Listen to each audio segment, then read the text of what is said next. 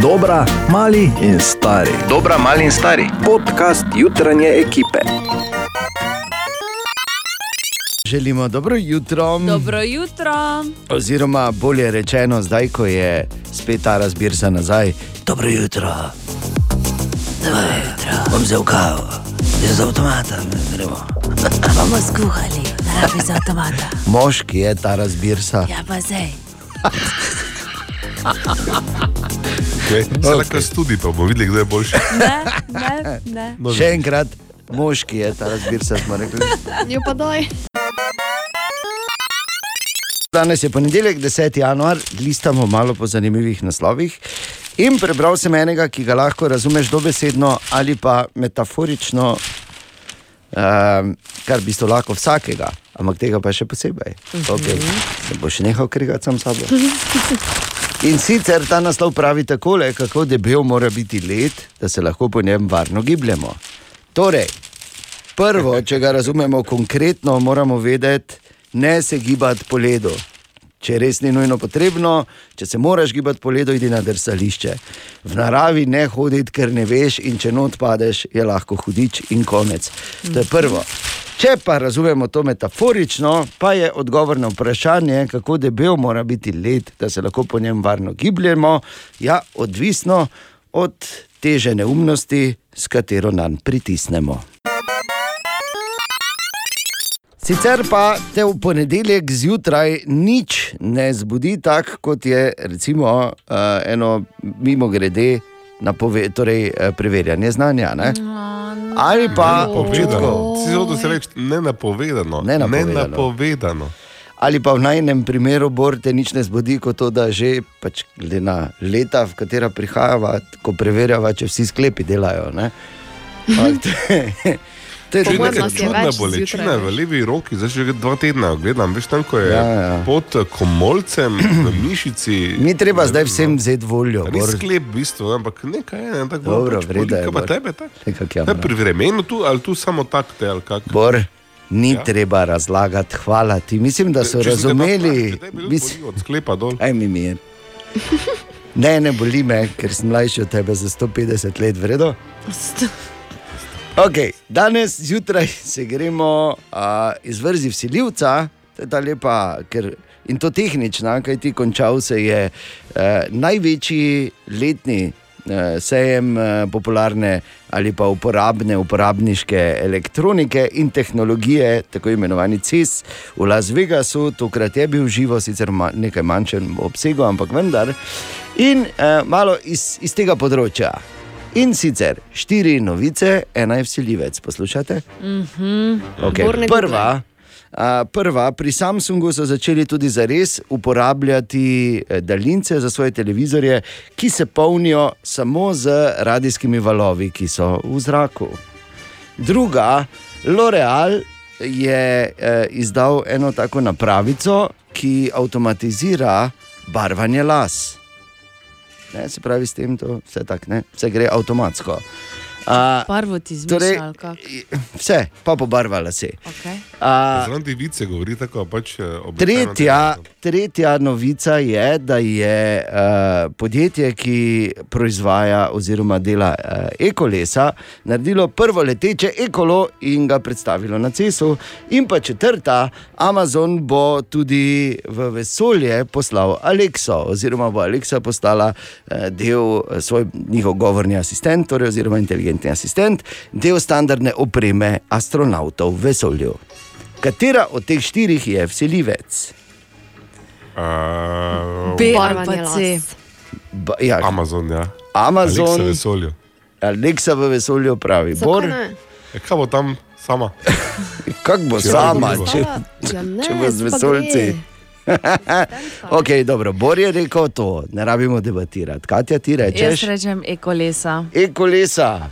In Ana reče, Jaz pa rečem barvanje las. barvanje las. In zmagovalka je Katja. Vse ostalo je res, le letečih nimamo e-koles. Da se tako pač rima, da se malo spremenil. dejansko vse ostalo je in lahko poguglaš, eh, obstaja dejansko ta uh, nova napravica za avtomatsko oziroma avtomatizirano barvanje las, ki ga lahko opraviš kar doma. In ni treba več ure in ure sedeti tam in poslušati to tečne frizerke. Ne. No. Oziroma Google na dveh nogicah, kot se tudi imenujejo. Pet minut pred pol sedmo. Dobro jutro. Dobro jutro. In čestitke, Kati, teden je začela Hvala, zmago. hvala. Čas, da se osmisli čakanje na ponedeljek, tedenski horoskop, kaj nas torej čaka. Katja, izvoli. Oven, razdvojeni boste, predvsem v začetku tedna med zahtevami drugih in svojimi željami. Sicer boste imeli ogromno elana za akcijo in nekdo v bližini vas zna razočarati. Bik, v poslovnem svetu vam ne bo manjkalo dogajanja. Ali bo to pozitivno ali negativno, je seveda odvisno od vas. Dobro je vedeti, da za čisto vse ne potrebujete načrta.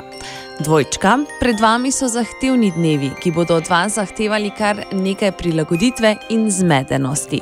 Pazite na nezaželene iskrice v odnosih. Rak, vse, kar želite v tem tednu upraviti, opravite do četrtka. Vse informacije preverite dvakrat in nikar ne hitite.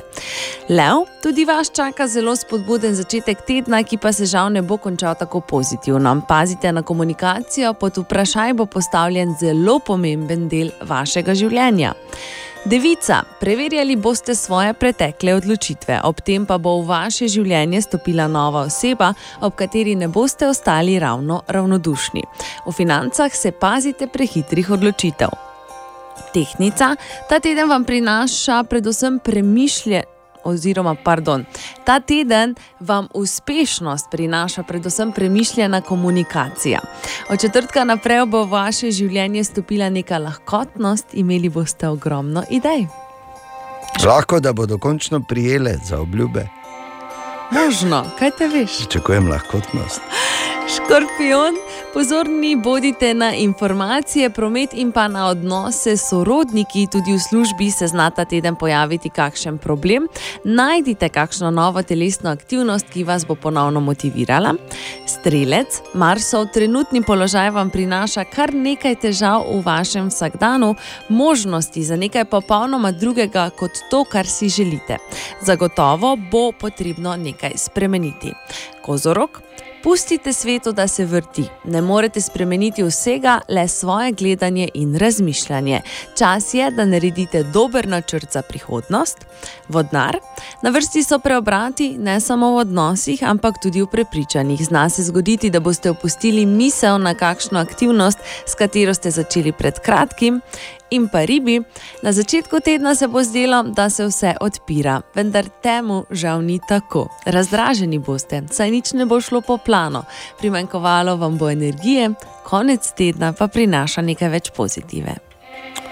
Okay, vsi Klasično. imate še kar pač nekaj, ne jaz pa v mojem horoskopu piše ponedeljek. Je. O, hvala. Ja, pač teden, kot ga poznam. Ena od treh, treh, treh. Jutranji sprehod po zgodovini popularne glasbe. Ja, in danes je kar en poseben dan, oziroma ta začetek leta je poseben dan, ko se eh, pogovarjamo o legendarnih v popularni glasbi. Kajti 8. januarja, torej v soboto, je 75. obletnica njegovega rojstva, torej bila danes pa je šesta obletnica njegove smrti. David Bowie. Uh, je eden od tistih, rekli smo mu tudi glasbeni kameleon, uh, predvsem pa velik mislec. In uh, zdaj, ko pogledaš nazaj na nekatere njegove izjave, lahko rečeš tudi jasno videti na nek način, kajti David Bowie je med drugim dejal, da bo nekoč, in to morate vedeti, je rekel tam v 70-ih, da bo glasba nekoč poceni in dostopna kot voda. Aha, Ne? In to se je dejansko z temi streaming platformami zgodilo, ja. ko imaš za pač, eh, mesečno anuiteto na voljo na milijone komadov, včasih smo pa za eno ploščo dali, ne, oziroma en CD dali več kot 20 evrov. Ja. recimo. Tako da uh, David Bowie, ki eh, to vedno rad povem, je eden njegovih, meni vsaj najljubših rekel, je eh, ta, da prihodnost pripada tistim, ki jo slišijo prihajati. O, ta David. Ne? Je pa v svoji glasbeni karieri nanizal res ogromno, ogromno enih hitov, uh, hitov kot so bili denimo Let's Dance.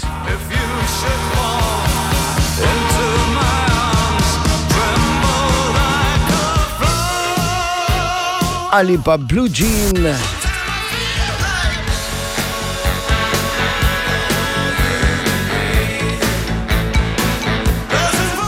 Ali pa denimo njegovo sodelovanje s Petom Metinijem, This is not America.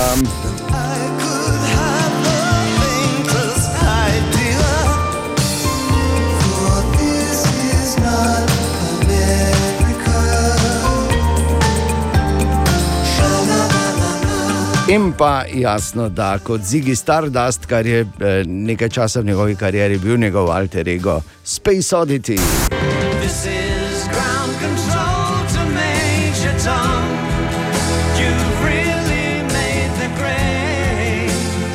David Bowie, torej prav danes mineva šest let, odkar je šel špila dvoni veliki bend tam gori.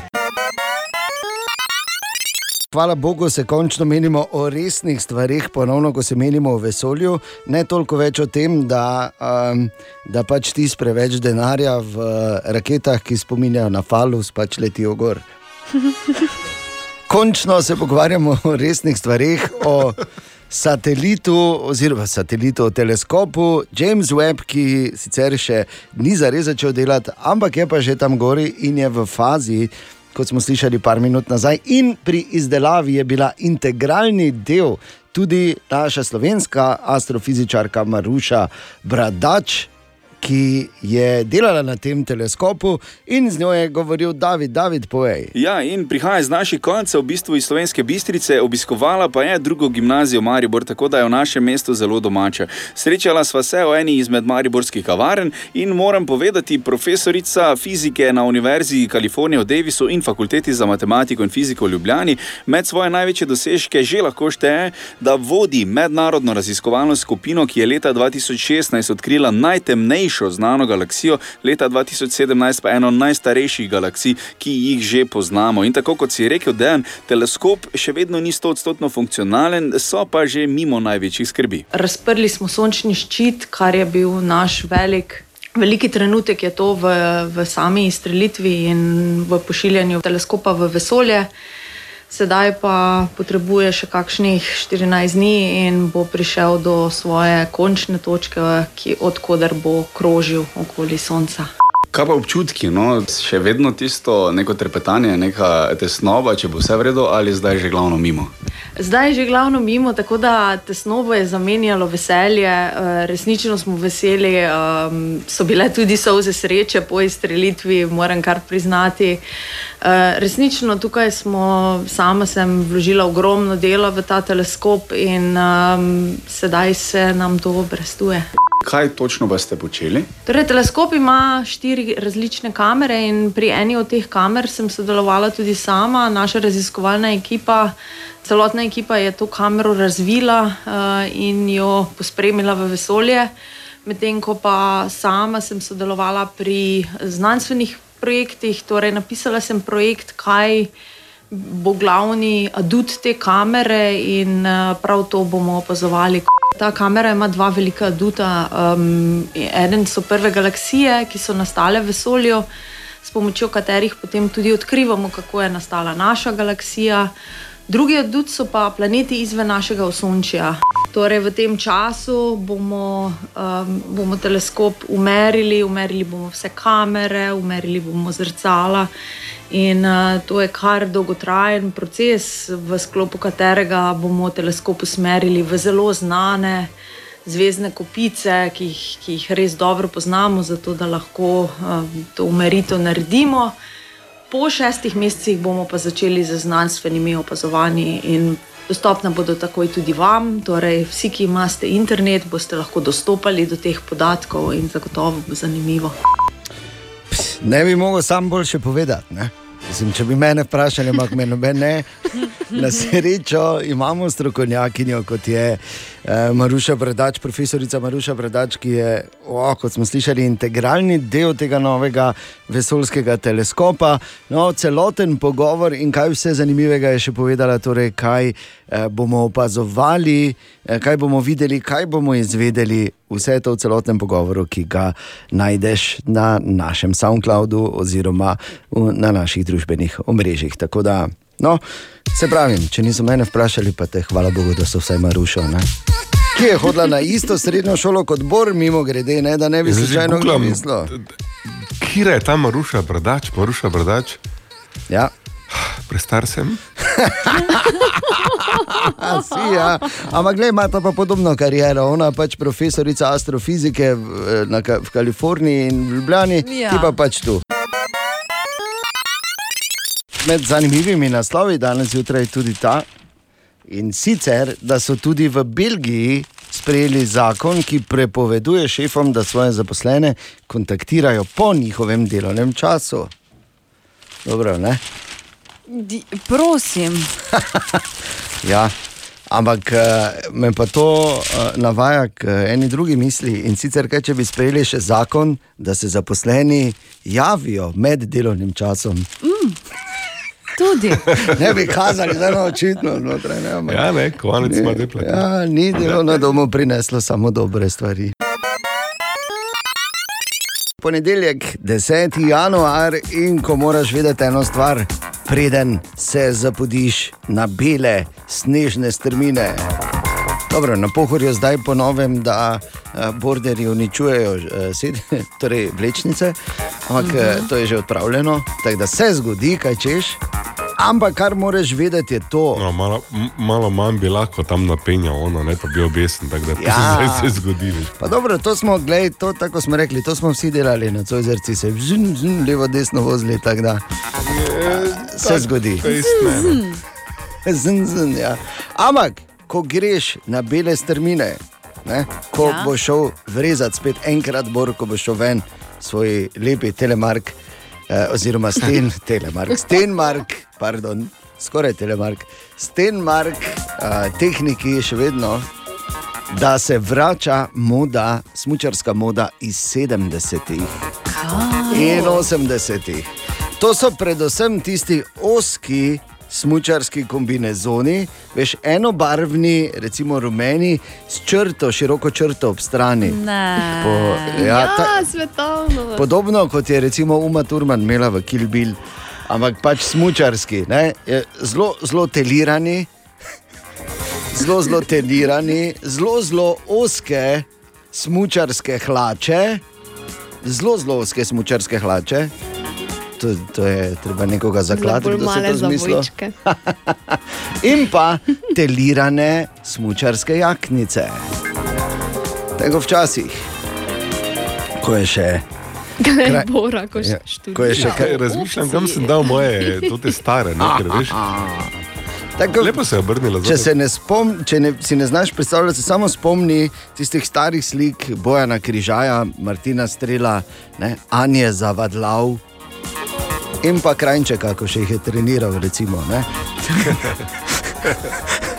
Tako da to se vrača in če slučajno še je kje, kaki taki kos v omari. Uh, skrbno, skrbno skrit in pripravljen, zdaj je spet moderen. In če imaš originalno iz 70-ih, pa si še toliko večji as ali pa asica. Tako da, to je to. Ne? Včasih smo gledali, da bo čim bolj široko, zdaj nam je žal, da nismo padli, pazili, kaj jemo v zadnjih dveh desetletjih. Tak, evo. Zdaj pa prosim, nič, ni, nič ne reči, samo sledi eh, en kratek posip s pepelom. Hvala lepa, ker ni mi jasno, kako sem lahko to naredil. Hvala lepa za to obvestilo. Dobro jutro. Smučar slovenski je bil Boris Strel, ne Martin Strel. Ja, res je. Ker njega si ne predstavljamo, da smuča, čeprav gre isto dol po bregu, tako kot se on pač spušča po reki. Uh, ampak eh, sploh pa ne v tem 70-ih. Tako da, kak sem lahko to naredil? Nič poveci, tudi, meni. Gremo, spusti.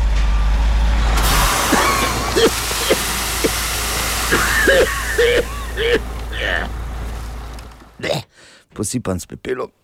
Lahko grem, lahko Bo- grem dalje. Tine! Tudi danes zjutraj, prvič v novem tednu, zdaj je za res vikenda, konec tine, dobro jutro. Dobro jutro, kako zdaj za Dobro res? Dobro jutro. jutro. Dobro jutro. No, ker zdaj je že skoraj 8, ne? veš. Zdaj je vikend, skoraj 8, fertik, ponedeljek je. Aha, e, torej ob 8 je pa. Te pa je definitivno konec. ne. Prej še, aha, dobro, ok. Prej še malo je tako, še nisi ziger, še nisi prav prišel k sebi. Tako da ti si prvo kavo v nedeljo še pil, zdaj če tako gledaš. Ne? Ja, No, ne, jaz ne. Ja, ja. Ne, ni, da je ob 8 se začne. dobro. A kaj si rekel? Ja, ne, te še, ja, te vikend, da pa daj na liše nekaj.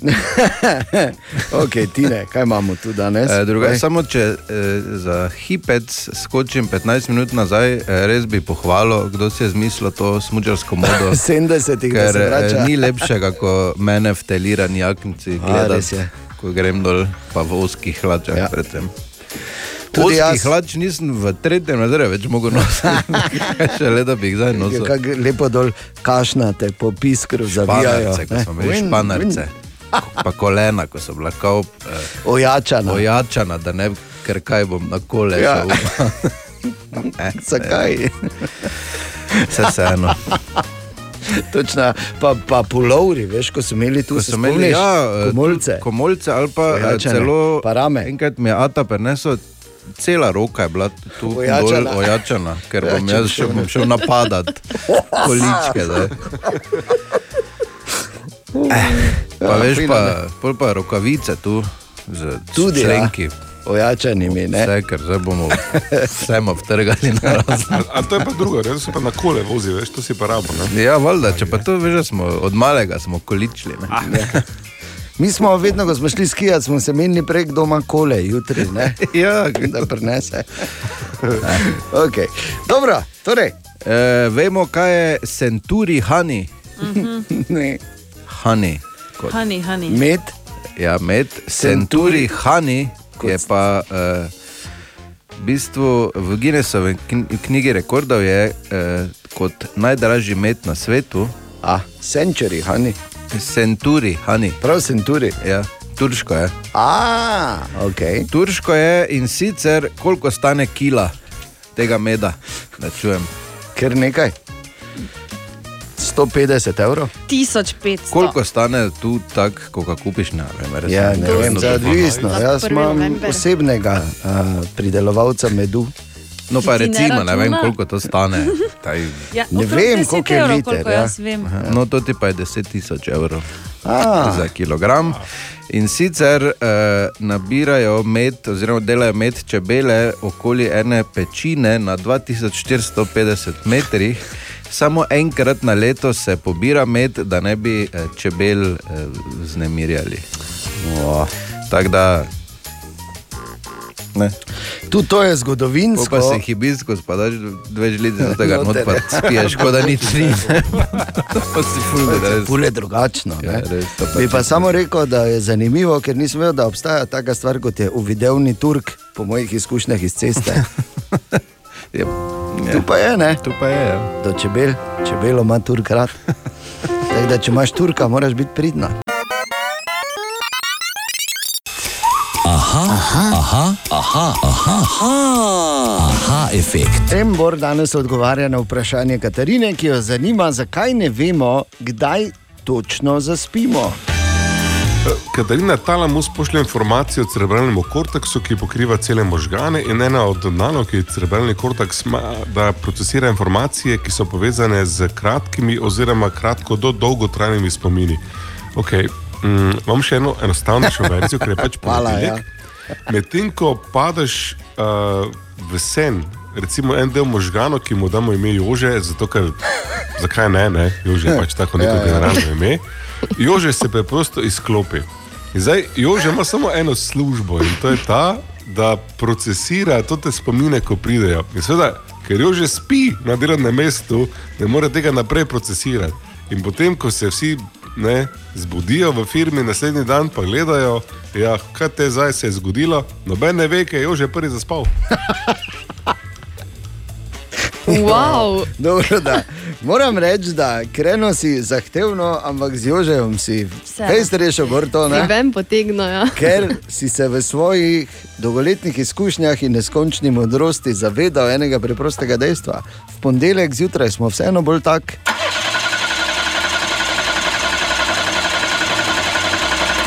Veš, ne kresne. Ali tudi vi pogosto totavate v temi? Aha, efekt, da boste vedeli več. Ko, zdaj pa, če te vprašam, Bor, povprečne ali pa lastnosti, ki ti prve padejo na pamet za povprečnega kanačana. Uh, Kanačani so vljudni, taktni, miroljubni. Ja. De, dejansko ta stereotip o Kanačanih, da se opravičujejo tudi takrat, ko imajo prav, Ja. ko niso nič narobe naredili, je v veliki meri res. Ja. Tako sem jaz slišal in imam te izkušnje. Tako je, zdaj sicer ni ekstrem, mislim, zdaj ni tako, da samo hodijo in govorijo, sorry, sorry, sorry, Ja, sorry, sorry, sorry, sorry, sorry, skoraj, ja. sorry. Ne, po ulicah, ko si tam, ni glih tak. Ne. Je pa res, da so po večini prijazni in so v bistvu tak, eh, v bistvu so američani brez kompleksa. To so kanačani. no, ampak eh, zagotovo ste pa zdaj čez vikend ali pa ob koncu prejšnjega tedna naleteli na to zgodbo teh eh, kanadskih influencerjev in YouTube zvezdnic in zvezdnikov, ki so se z privatnim avionom eh, vozili. In ga pač strali gori na polno, ne upoštevali nič, ne, ne da niso nič, upo- nič niso upoštevali, če me razumete. Uh -huh. In so potem pristali v Mehiki in so pač rekli, pilot je rekel, gledaj, teh pač ne bom več jaz peljal. Ne, in sve so oni se snemali in objavljali te videoposnetke, kakšni asi so oni, ne, Ja. kako oni delajo, ker mi imamo zasebno letalo in smo seveda glavni na tem svetu in za nas no, nič ne velja, ker imamo denar. In tako so, ja, točno to, bravo.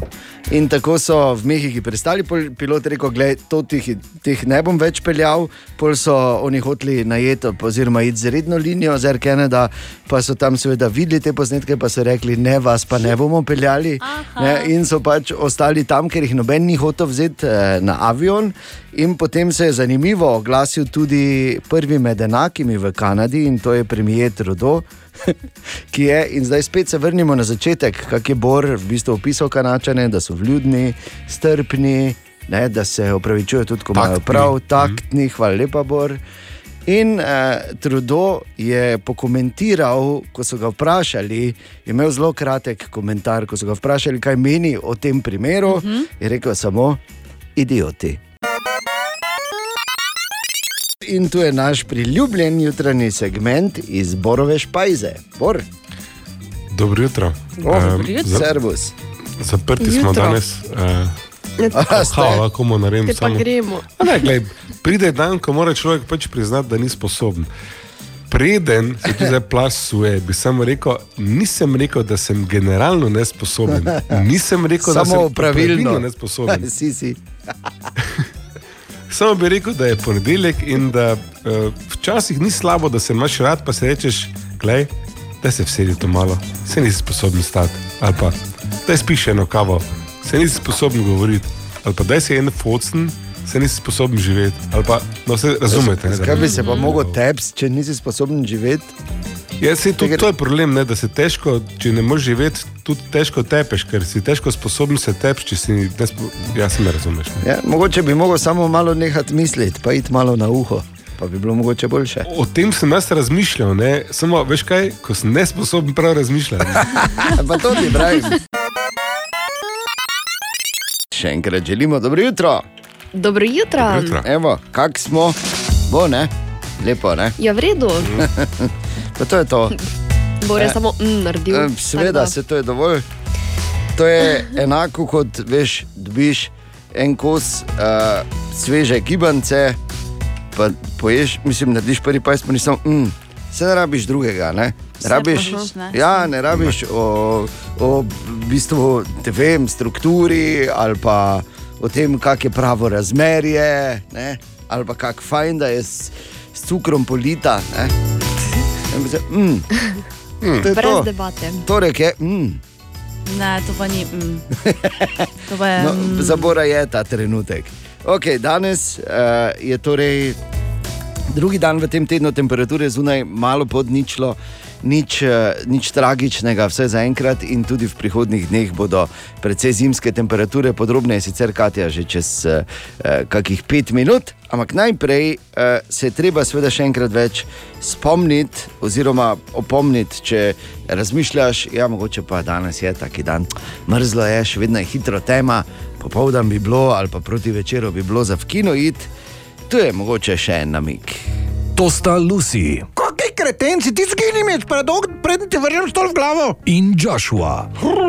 Staro, ne, te moram gledati, je jasno, ne morem več, ker ti kafe cukro do amena. Sodelavca, ki se potegujeta za nov položaj v službi in se strastno sovražita. Prisežem, vzerom klonfera, pa tim za klonfera jajce na mizo. Jaz pa tim printer izklopo. In ker je to te vrste romantična komedija, ko so si scenarij, ki ga je napisala srednja šolka, izmislili v petih minutah, se Lucy in Joshua seveda ne sovražita, pač pa ljubita. Jaz ne morem več, kak si mi dojer. Da gre tu notri. Igra sovraštva v Mariboku. Lucy, Kaj je? ljubim te. Lunte, lunte, se veš na lunte, čeprav mi je jajca zaklamfala na mizo, lunte. Ja, ne, to mu je hotla prej. Ne? Seveda, po pa je ugotovila, da ne more brez njega. In da ga ljuje. da ga luje, ne? da ga tako luje, pa da on luje njona in da se on dva lujeta. In pol se utalujila še naprej, deset minut čez sedmo, danes večer v Mariboku, recimo, igra sovraštva. Uživaj, če greš, pa lujo. Dobro jutro. Dobro jutro. Dobro jutro. Okay, gremo se eno, eno tako popularno jutranjo igro, prepoznaj pesem, če gi samo malo.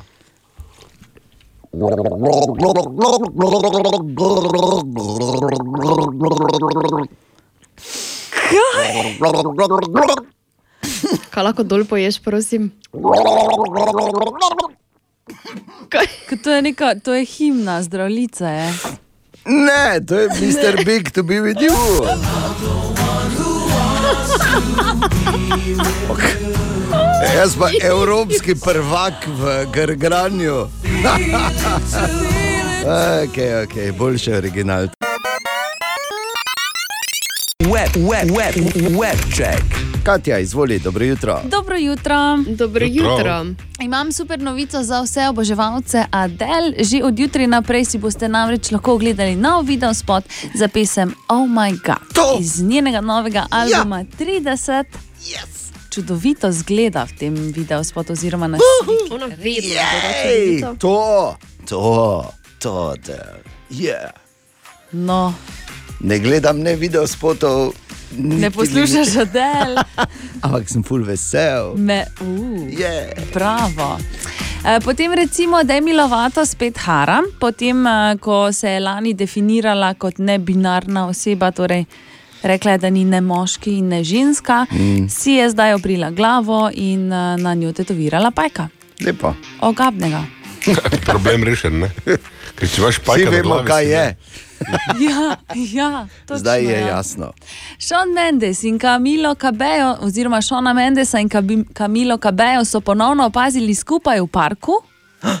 In seveda takoj pričeli špekulirati, ali morda sta ponovno skupaj. Ne, temu žal ni tako, oziroma pač kakorkoli za koga. Um, skupaj sta samo sprehajala svojega zlatega prinašalca, ker eh, želita ostati dobra starša njemu. Okay, zdaj pa samo malo to, zdaj moram Ja, tu prekiniti in ustaviti to, ker uh, nič ni narobe. Mislim, moraš imeti rad svojega psa. Jaz imam psa in imamo zelo radi in je del družine. Ampak v momentu, ko začneš resno verjeti temu, da si starš psu, je treba pri terapeutu dodati eno novo ali nejo.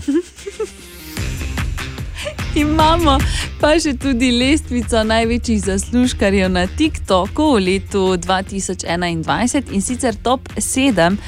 jih je v letu 2021 na tej eh, zelo priljubljeni platformi zaslužilo 55 milijona in eh, pol ameriških dolarjev. 55 milijona. Milijonov in pol ameriških dolarjev, pazi, ne sedem. A si sploh to znamo predstavljati? Ja. Sedem ljudi, ki je na TikToku ja. takšne količine denarja.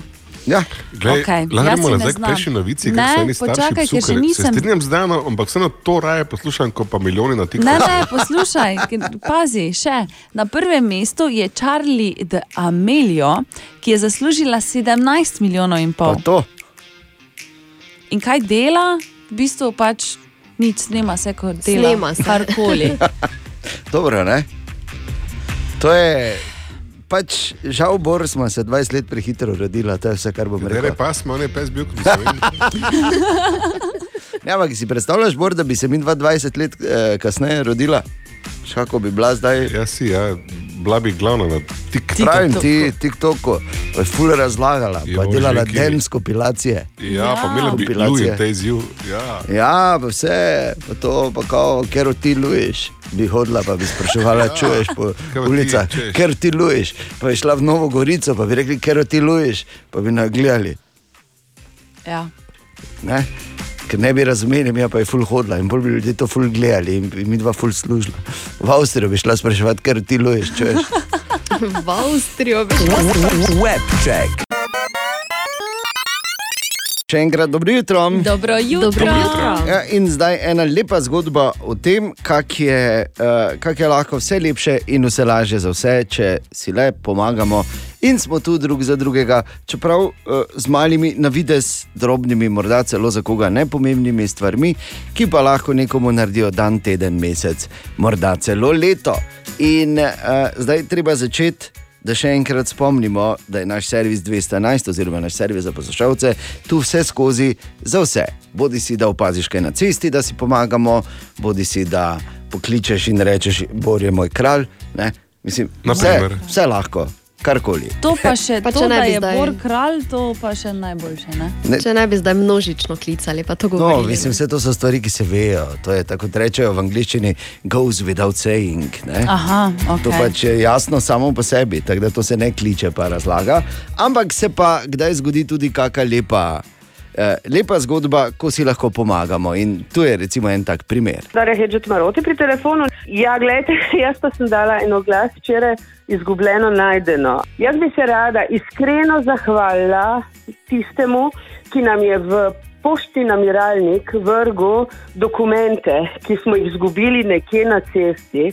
Uh, res najlepša hvala uh, in Vidim, da so v Sloveniji, pa v Mariboru še dobri ljudje, ki znajo pomagati. Prav presenečena sem. Žal mi je, da ni pozvonil, ko je vrgel dokumente v nabiralnik.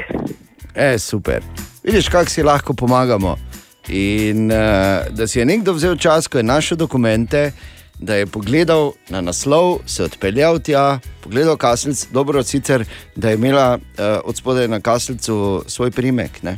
Ker drugače bi imeli problem. Ja. Drugač bi mogel še na vse cinglati, pa vsakemu razlagati, pa pardon, ste vi ta, ne nisem, ok, pardon, naslednjemu. Ne, in pol bi si mislil, aha, nekdo cingla samo zato, ker hoče not priti, pa Bog ve, kaj bo delal, kaj bo mazal po naših stenah. Ne, ampak Ja. na srečo ni bila taka zgodba, ampak je to bila ena dobra zgodba, iz katere se lahko marsikaj naučimo, ali pa samo pač rečemo, oh, kako fajn, v tem mestu pa tudi jaz živim. Ali pa bi živel, samo ne moreš, lala. Ne, hecam se, seveda lahko. Dobrodošli vsi. Ena od treh, treh, treh. Jutranji sprehod po zgodovini popularne glasbe. In ob seveda preprostem dejstvu, kralj. pač moramo iti naprej. In sicer eh, se spomniti še ene, ki je praznovala svoj 69. rojstni dan in ki je pomagala soustvarjati eh, soundtrack 80-ih in sicer sam začetek tega.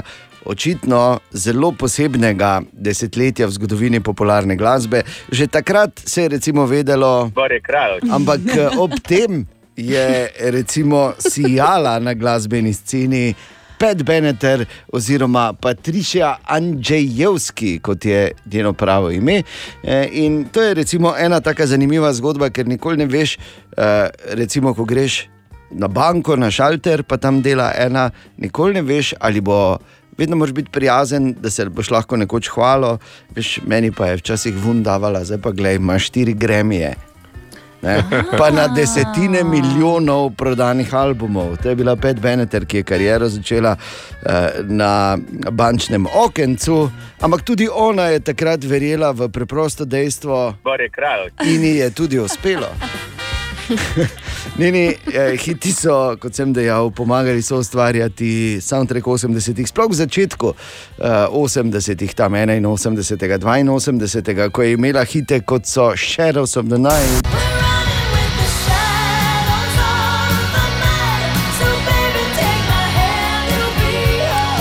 Ali pa Love is a Battlefield.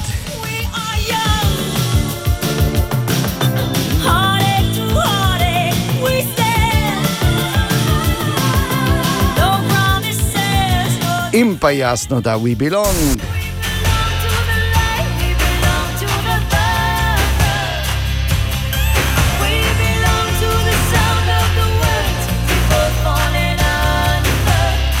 Pet Beneter torej je praznovala svoj 69. rojstni dan, zato uh, seveda danes zjutraj s hitom We Belong, takoj po oglasih. In naj samo povem, oziroma spomnim, en sam tatu ima Pet Beneter in na njem piše. Gor je kralj. Ziger, ja. Marsikdo se v teh zimskih mesecih, pa se mi zdi, da je to sicer težava vso leto lahko, ampak po zimi zna biti še posebej izpostavljena in sicer vlaga v naših bivalnih prostorih. Je, na, name omenjaj, ker to je noro. Po eni strani vlažiš, zato ker kuriš, da ni presuho, pa pa ti tam po ekih, v kopalnici posebej, recimo, ne, če nimaš dobro urejenega prezračevanja, ja. veš samo tak.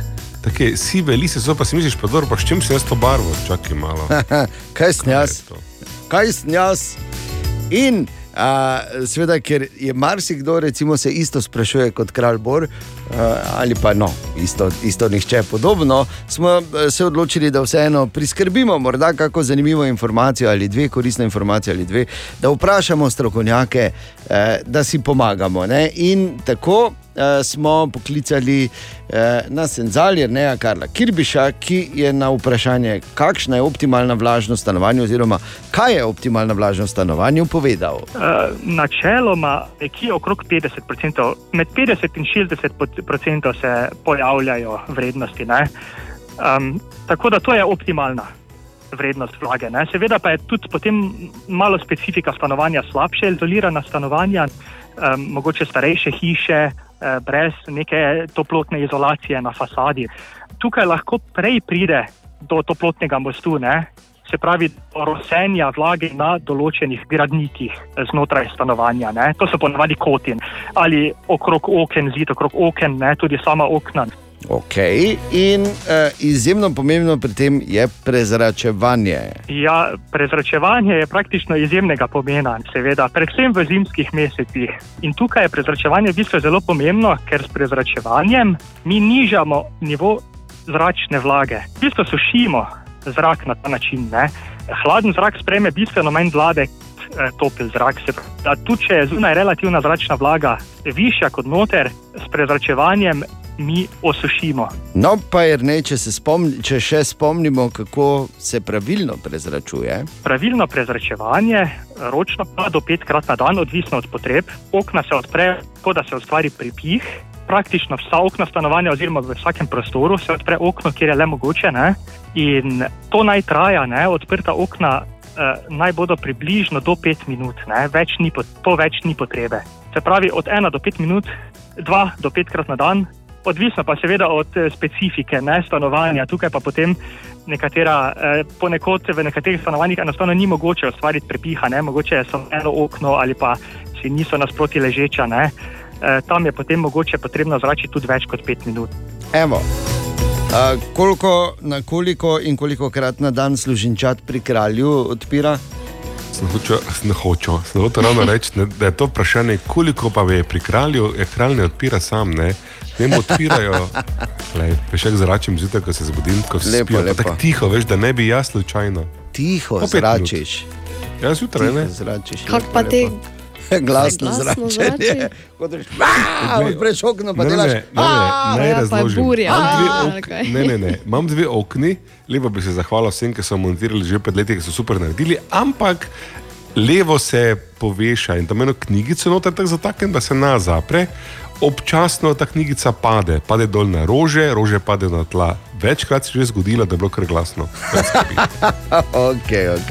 Ampak v vsakem primeru, vsakem primeru je pomembno prezračevati, kot smo slišali, dva do petkrat na dan, od uh, ene do maksimalno pet minut odpreš okno na stežaj in tudi tako reguliraš vlago v prostoru. 12 minut, če sedmo. Dobro jutro. Želimo dobro jutro. Dobro jutro. Od včeraj je tudi ena stvar, na katero smo opozarjali, eh, in sicer da poteka, eh, oziroma se je začela akcija poostrenega nadzora policistov nad nedovoljeno uporabo mobilnih telefonov med vožnjo, kar je seveda jasno, eh, da je izjemno, izjemno moteče.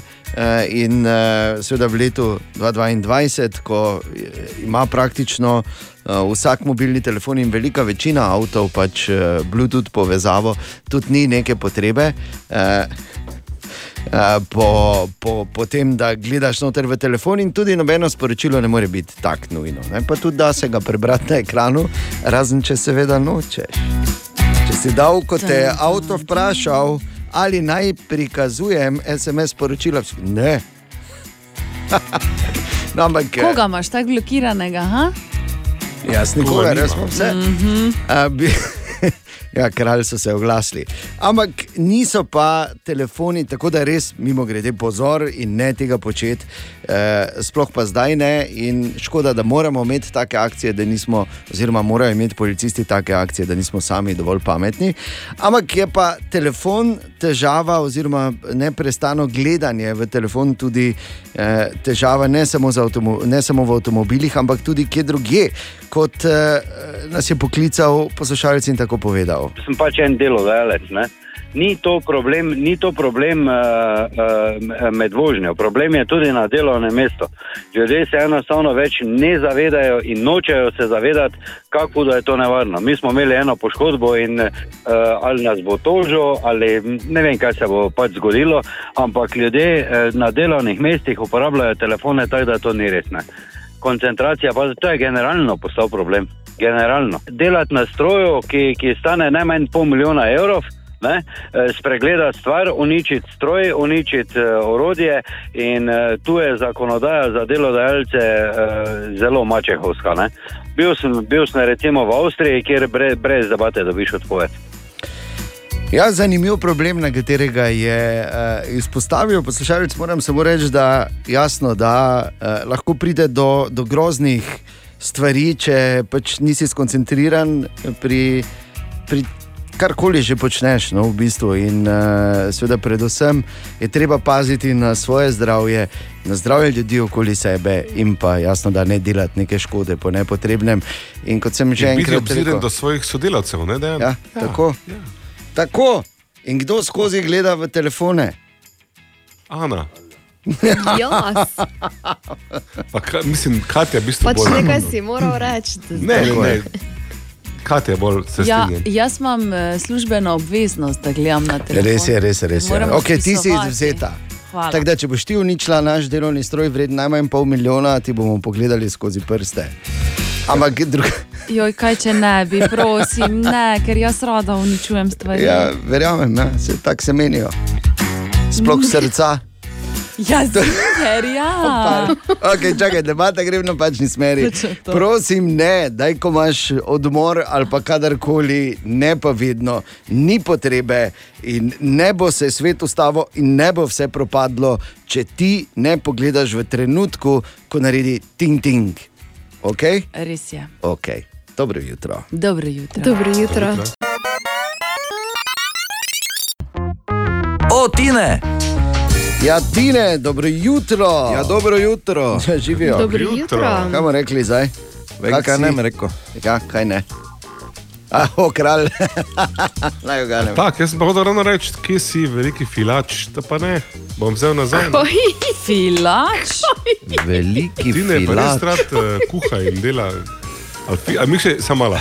Ali se filine paprike same naredijo, ali kaj samo vprašam. V redu, v redu, v redu. No, naj uh, povem, da še v življenju nisem paprik filal. Kaj češ, ne? Nikoli ni prepozno. Tudi ni, nimam nekega namena. Dobro. Vi se do razvija kralj prišel tako, da nisem poskusil, ne, ampak sem poskusil vedno znova. E, ne bom Moraš ti, ne? veš, zakaj si ti do naziva kralj prišel? Ker sem jaz Nekaj tele. šumi, samo malo. Ja, nekaj šumi, ja, nič nekaj šumi, šumi tebi več kaj. Tako. Iz samega sočutja si prišel ti do naziva kralj. Ja. Pa malo tudi zato, ker sem se jaz uh, igral z uh, vesoljskimi strunami in ugotovil, da v bistvu si dejansko sami ustvarjamo svojo realnost in to je živ dokaz. Ko si rekel, da lahko pokličeš na servis 211, poveš karkoli, med drugim, da je Bor kralj in pol se zgodi, da pokliče en in reče: Bor je kralj. Si videl? Potrjeno.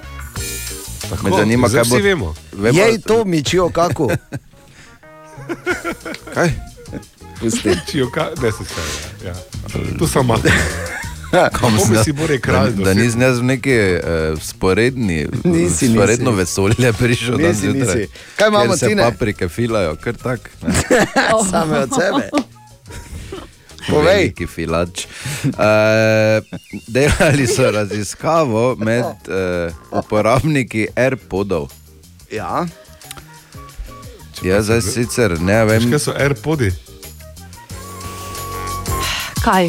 Ne, povej, zdaj pa Google. Povej, kaj Google. Veš, kaj so AirPods? Hitro, tik, tik, tik, tik, tik, tik, tik. Mislim, da se nekaj ne uporablja, kdaj? 2.15 ali kaj? Gledam. Ne iPodi, AirPodi. A ove slušalke, misliš, ali kaj? Joj, daj pusti Rekel ga naj pove. No. AirPod, no. kaj, ja. ne vem, kaj ti naj drugače. No, povej, ja, in? Bože, ugotovili? Da je 17 odstotkov vprašanih priznalo, da so AirPode, torej slušalke, bor, uporabljali Tako, Tako, med aktom. Resno? Zakaj ne me vprašati, ker to ne piše. Ampak eh, 17 odstotkov. Torej, dva od deset. Ja, imamo, imamo so klicali. Ne, ne, ne. Ali pa kolega, ko jim govori, čakaj, taki, taki, taki pa še Ja, taki obrni. Kaj- Se spomnim, saj, te ti veš, pa jaz vem, Ni, pusti, jaz to vem, pusti, daj. se ni važno, kak, samo da je obrnil. Mama! Čuješ? Paprike bi. In tudi danes zjutraj je tu vprašanje za aha efekt. Katja, kaj smo izbrali danes? Timotej je pisal na jutro af na radio city.js in ga zanima, zakaj imamo različne baterije. Torej, zakaj preprosto na začetku niso naredili vseh enakih. Dobro vprašanje. Zelo dobro Ja, vprašanje. z- z- m, ja. Zakaj so ene take, druge take, pol so ene full debele, pol so. Čakaj, ne, Zlate, čakaj, o ne? baterijah se moramo meniti. Odgovor, seveda, Timotej v High Effectu takoj potem. Kaj bo? Ma meni je filozofska, že samo. Ne, ne, ne, bom počakal, bom počakal. Kralj To pa je res bil. Kralj počaka. To si pa zdaj res, jaz sem tako vznemirjen, kak si pa rekel. Jaz ne Aha, morem aha, čakati sploh. videl. Bravo. Aha, aha, aha, aha, aha, aha, aha efekt. In mi smo pri aha efektu, v katerem eh, bi naj Bor danes razložil Timoteju odgovor na vprašanje, zakaj imamo različne baterije in zakaj niso preprosto na začetku naredili vseh enakih. Ok, si zdaj pripravljen na filozofski odgovor? Koga to sprašuješ? Ja, tebe, ne? A pa ja. Ja. Daj, no, prosim, te Bor, jaz na tebe se rodil, pripravljen, kaj si nor. Ja, pa ne tako. Bomo šli počasi, ne? Bomo... Dejan, glej, eno Katja je kino imaš bolana, odprto. prisežem. In kadarkoli imaš čas, lahko gremo v kino. To Ne, je, ne, kar se tega tiče. Kar se pa tiče odgovora, baterije so različne, zato ker so potrebe različne. In baterija tukaj lahko metafora, ni pa nujno. Ali tudi vi pogosto totavate v temi? Aha efekt, da boste vedeli več. Za danes je napovedana tiskovna konferenca v prostorih našega kluba in to skoraj zagotovo pomeni predstavitev prve prave okrepitve ali pa prve okrepitve tik pred začetkom prestopnega roka. Ampak podrobneje stvar spremlja naš primo novinar Matej Šoba. Dobro jutro, Matej. Dobro jutro, dobro, Dobro jutro. jutro. Dobro jutro. Ja, Marko Šuler je prejšnji teden ob začetku priprav napovedal vsaj dve okrepitvi, eno v obrambi in eno v ofenzivnem delu ekipe, torej eh, tisti ofenzivni vezist z idejo. No, branilec pa, kot kaže, prihaja iz Skandinavije. Vse kaže, da bo nov član danes Enka Maribora postal šved in to je sploh prvi šved v zgodovini Enka Maribora, ja. Max Watson. eh, Ki prihaja iz eh, Mjelbija, eh, to je švedskega prvoligaša, ki je v preteklem letu, igra se namreč koledarsko leto, sezona v Švedski, zasedel deveto mesto, torej na sredini lestvice in je torej okrepitev za obrambo, tak klasični štoper, visok, eh, 25 let, torej z nekaj izkušnjami in v zadnjih letih. Uh, je bil, vse tako švedi pišejo, uh, švedski časniki so namreč to prvi včeraj objavili. Uh, zelo pomemben člen pri uvrstitvi Melbija, najprej iz eh, druge lige v prvo ligo in tudi v zadnjih dveh sezonah eh, je bil eden najbolj standardnih. Eh, Sicer eh, nogometaš, ki je vzgojen v Jönköpingu, kjer je preživel svojo uh, mlajšo, oziroma preživel mladinske selekcije in uh, igral tudi nekajkrat za U18 švedsko reprezentanco. Tako da, kar bomo rekli, neka kapaciteta mora biti, no, glede na uh, rezime. In uh, definitivno nek, nekdo, ki prinaša, uh, bom rekel, tisto, kar je športni direktor vse čas iskal pri okrepitvah, to pa je uh, nek. Uh, Igralec, eh, ki ima delovne navade, ki je na zadnje tudi odgovoren, glede na igralno pozicijo, in videli bomo, kako se bo obnesel torej, ta prvi skandinavec v drevesu Maribora. Max Watson, kar lahko še rečemo, najbrž tudi to, čeprav se veliko o njem ne ve, da njegov oče ni šved, glede na primek. Ne, da je morda celo pradedek delal za Sherlocka Holmesa. Ampak eh, no. mimo tega, če se kdo vpraša, "Pija, pa zakaj bi šel iz Švedske v Maribor, ja, verjetno zato. Ker so se med drugim, seveda, nogometaši iz Maribora prodali v številne zveneče klube iz Melbija, malo manj. Samo navržem kot razmišljanje. Torej, osma etapa Relija Dakar 22 je mimo, Simon Marčič, naš enak tam v razredu Originals. Halo, kak je šlo, zdravo? Osma etapa je za nami. um, Jaz eh, sem precej razočaran. Rekel, v prvem delu sem eh, kar dobro vozil, pa pridobil kar nekaj mest, eh, po pa žal v drugem vse skupaj izgubil. Zdaj je pač enostavno že jasno, da, eh, da, s- da nisem pravi letos. Ne vem, eh, novembra sem COVID prebolel, pol sem decembra še enkrat zbolel in eh, očitno mi je to pustilo posledice, ker enostavno se telo ne regenerira. Eh, Nisem hotel preveč eh, se s tem pred dirko, pa tudi med samo dirko eh, niti obadati. Eh, Enostavno sem se tolažil, da, eh, da je vse ok, ampak ja, eh, to je pač realnost. eh, Ne morem nikako eh, prikazati čez, čez celotno etapo svojih voženj, tako da žal eh, neko upanje za stopničke bolj kot ne eh, splavalo po vodi. eh, Glede na to, da sem trenutno osmi, sicer absolutno bom se boril do konca, ampak prvi trije so mi precej ušli, tako da ostaja nekaj nekega priokusa, definitivno. Upam samo na najboljše, no, da še nekaj pridobim v skupnem, pa da ohranim osmo mesto, ker tudi sicer so mi precej za petami. Uh, ampak ja, tudi uh, v spredju vemo, kaj se je lani dogajalo, lahko pride do napak, uh, vse se lahko še spremeni, uh, bo pa res uh, trda, ne, z, uh, brez pomoči uh, ostalih, oziroma brez njihovih napak, uh, ne bom zelo težko kam prilezel. Ne, ampak uh, ja, uh, to je to za letos. Uh, grem v zadnje štiri etape, uh, provam narediti čim več in uh, lepo zdrav domov. Ja, hvala lepa, Simon, lepo zdrav nazaj, drži se ti, predvsem pridi ja. v enem kosu nazaj. To je najpomembneje, je pa res, da tudi kot smo rekli, kakršen koli rezultat med top 10 je super, pa čeprav recimo letos, kot sam pravi Simon, ne bo nadaljeval te tradicije, da vsako naslednje leto na Dakarju naredi nek rezultatski napredek in petega mesta iz lanskega leta eh, letos, kot kaže, ne bo ponovil, ampak vseeno to ne pomeni, še zdaleč ne pomeni, da nima veš, v bistvu jajc kot slon, da gre tja dol in si upa, sploh v, v tem uh, čudnem času, ko je tudi ne na zadnje mesec dni pred. Začetkom relija preboleval COVID in uh, močan prehlad. Tako da, Simon, gledaj, mi še naprej navijamo za te in uh, verjamemo, da boš, da boš uh, uspešno končal tudi s tem, da kar je. Uh, kot so recimo No Doubt v svojem hitu sredi 90-ih že rekli, ne, se meni. Tu je naš priljubljen jutranji segment iz Borove špajze, Bor.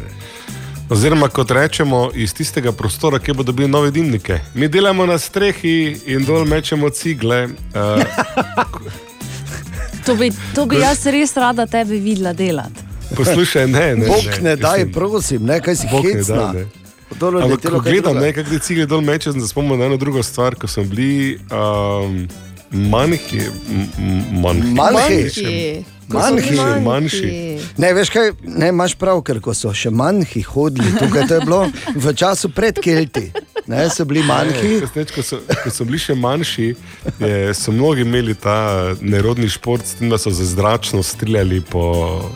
Uh, dobro, recimo temu drugih živih in čutečih bitih, po možnosti niti ne ljudeh, ampak um, to je bil dokaj razširjen šport in smo se tako fej zgražali nad temi, ne, kaj so to za ene živali, ne, ki tako ravnajo z, z drugimi živimi biti. Ko pa zavrtiš čas malo naprej, malo pogledam ta družbena mreža, pa socialni diskurs danes, pa niti ne bomo omenjali filma Ne glej gor, Don't Look Up, zato ker uh, tematika je dobra, ideja je super, izveda bomo rekli malo, malo manj rezerve. Ne? Ampak vseeno, ne? zelo nerodni časi so in uh, preden stresete kakšno butasto, kjerkoli. Se spomnite na to, da eh, vi ste zdaj v 2022 tisti, ki za zračno streljajo golobe. Družbena omrežja. Hvala, Katja. Prav, kar si streljala dva goloba.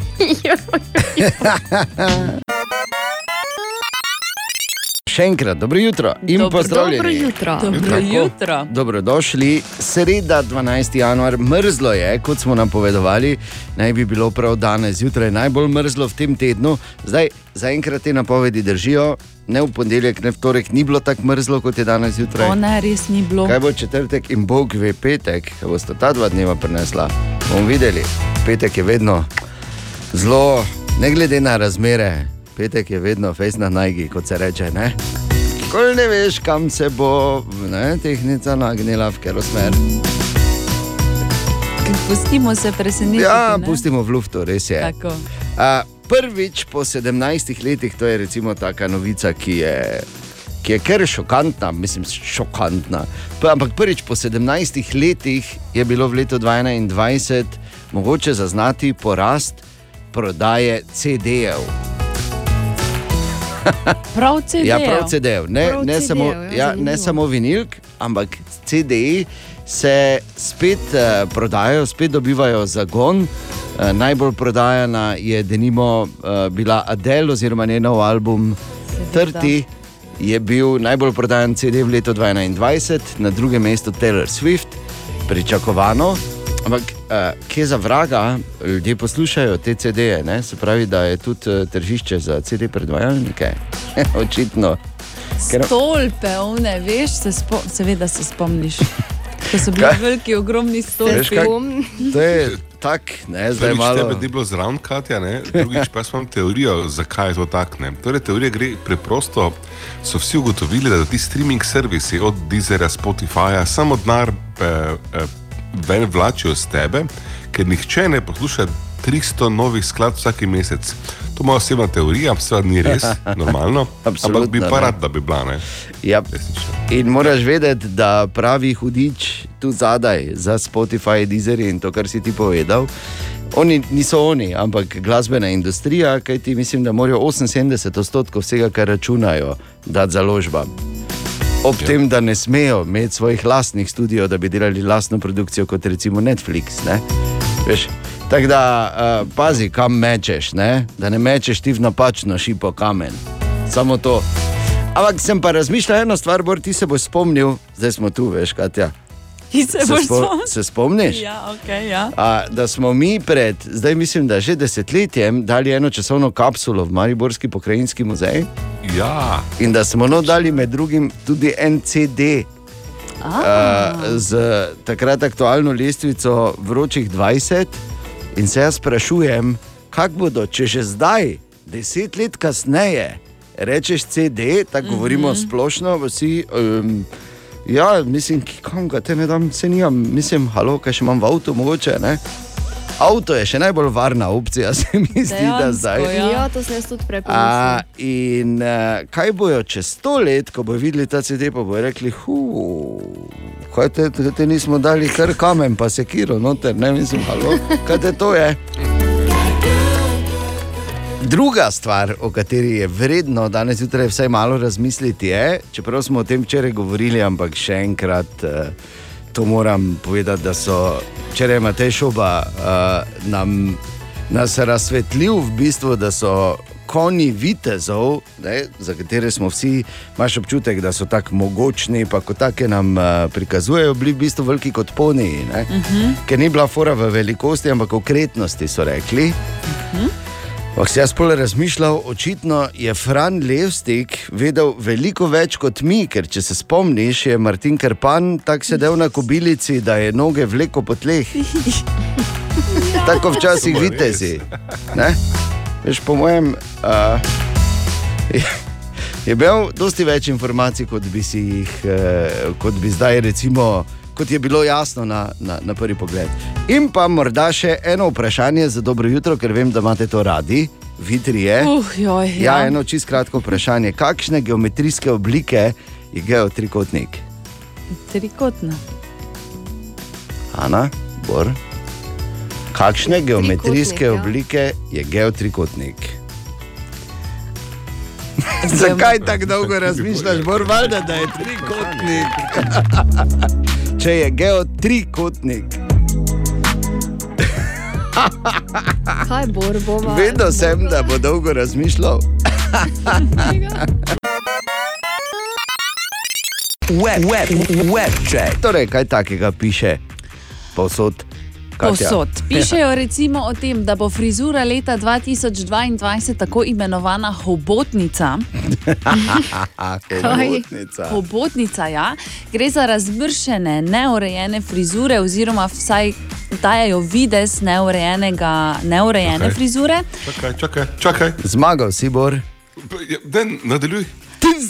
Ja, ne, ne vem, če gre bolj naprej. Stopničasto govori dalje. Postriženi, postriženi A, okej. lasi. Ne, ni. Slabo postrižen, ja. Kar okej. pomeni zgoraj krajši, spodaj daljši. Zmagal sem. Pa to ti pravim. Zmagal sem.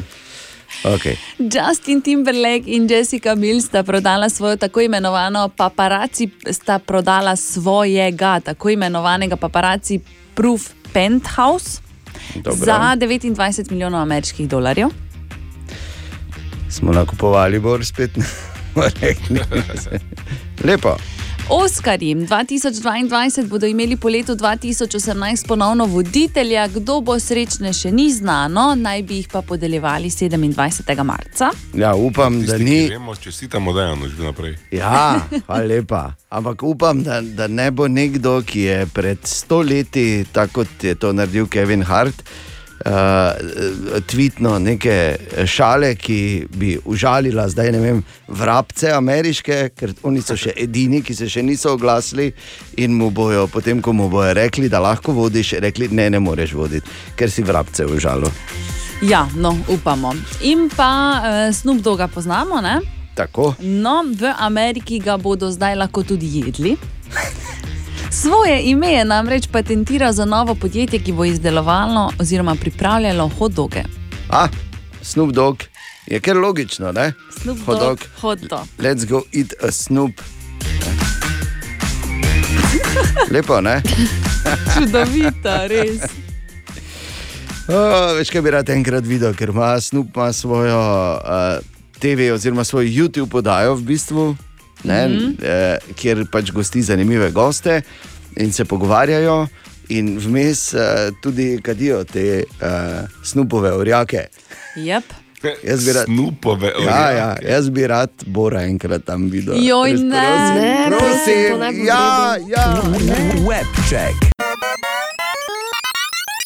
Želimo dobro jutro. Dobro Dobro jutro. jutro. Ja, ena glavnih novic včeraj se eh, na nek način prepleta tudi eh, z dejstvom, da se jutri začenja prvenstvo v rokometu. Ampak o tem bomo govorili jutri. Ampak lahko bi govorili, da je v Maribor prišel rokometaš, samo ni, zato ker je rokomet igral do 15. leta, pa je vseeno igral nogomet dalje. Ne? Aha, Okay? ok.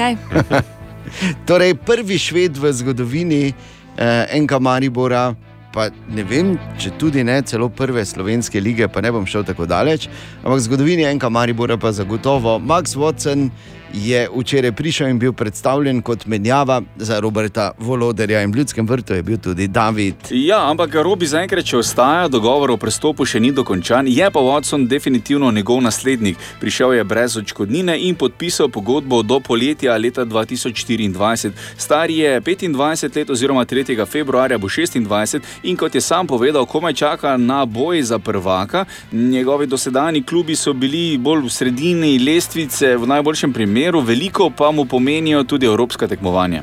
Yeah, both actually, but I've come from a from a team that. Želim si igrati več tekmovanj. Prihajam iz ekipe, ki je bila lani peta na lestvici, letos deveta. Enka Maribor pa je nekaj drugega. To je klub, kjer se pričakuje, da se vedno zmaguje, kjer so tudi prisotni pravi navijači in kjer se pričakuje zmage. In jaz rad zmagujem.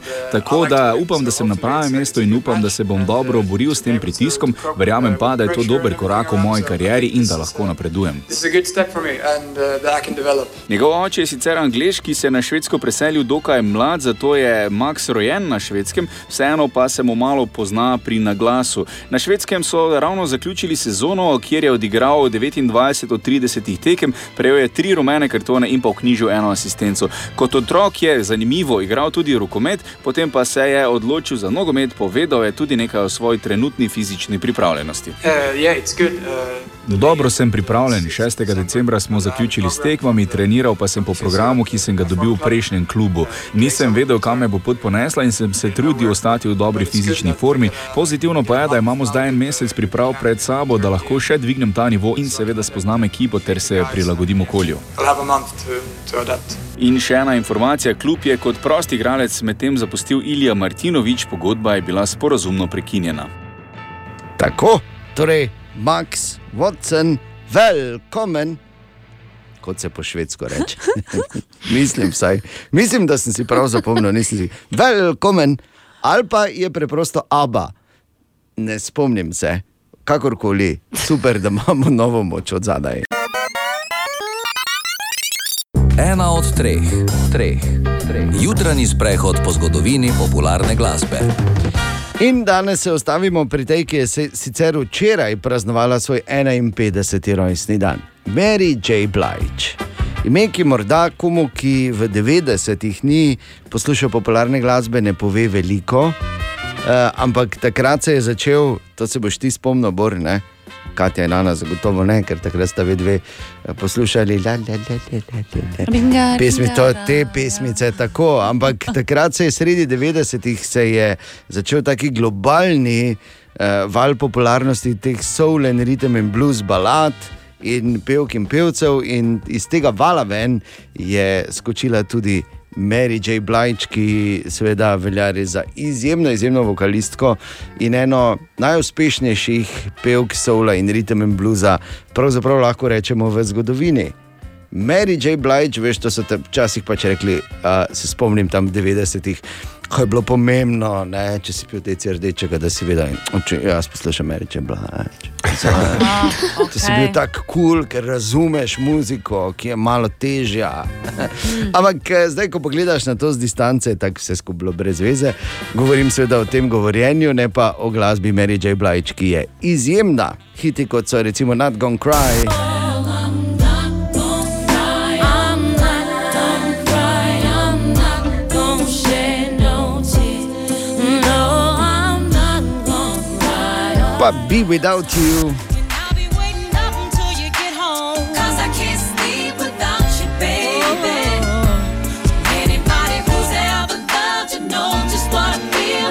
Hard to fake it.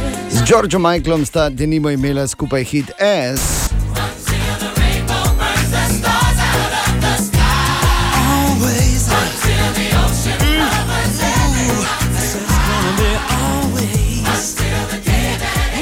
Eden njenih največjih hitov pa je zagotovo Family Affair. No.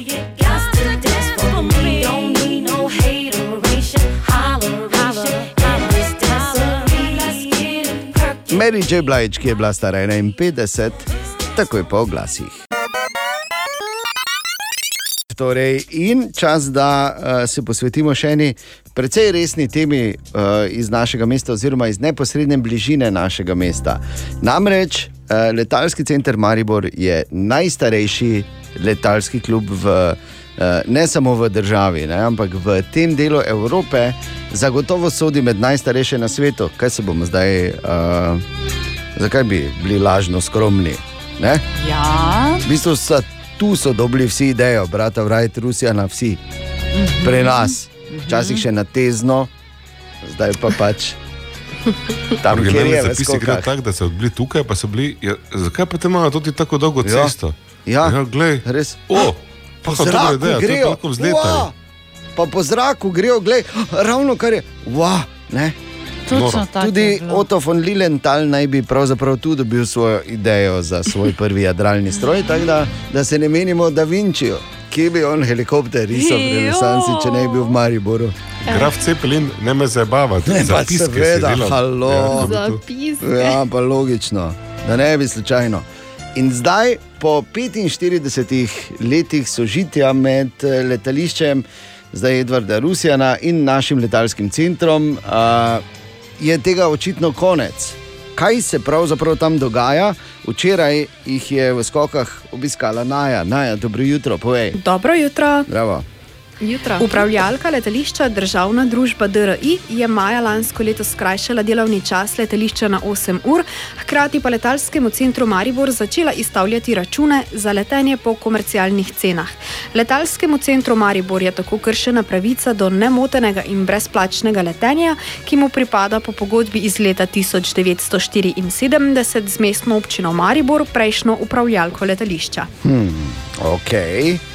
Torej, težave so in na njih že nekaj dni tudi glasno uh, uh, torej opozarjajo pri letalskem centru. Ampak kaj zdaj to dejansko pomeni za občanke in občane, ki bi ne vem, želeli leteti, uh, si ogledati Maribor iz zraka, se morda šolati jadralno, motorno, ultralight. Letalski center Maribor kljub skrajšanemu delovanju letališča svoje aktivnosti še vedno izvaja. Predsednik letalskega društva Filip Tobijas razlaga. V prvi vrsti mi združujemo pilote. Kar se tiče ostale populacije, ki niso piloti, je naša želja, da jih izšolamo v pilote. To je prvo. Seveda pa imamo tudi te uvodne lete, v bistvu, ko lahko poletimo nekam, si nekaj ogledamo, imamo tandemske skoke s padalom, da doživimo malo adrenalina, če ga lahko preživimo. Seveda ne smem pozabiti, ne, ne samo da šolamo pilote in pilotke, tudi padalke in padalce šolamo. Ne. To so kratki tečaji, ki se relativno hitro zaključijo, adrenalina je dosti in to počnemo zelo dobro že desetletja dolgo. Težavo časovne omejitve poskušajo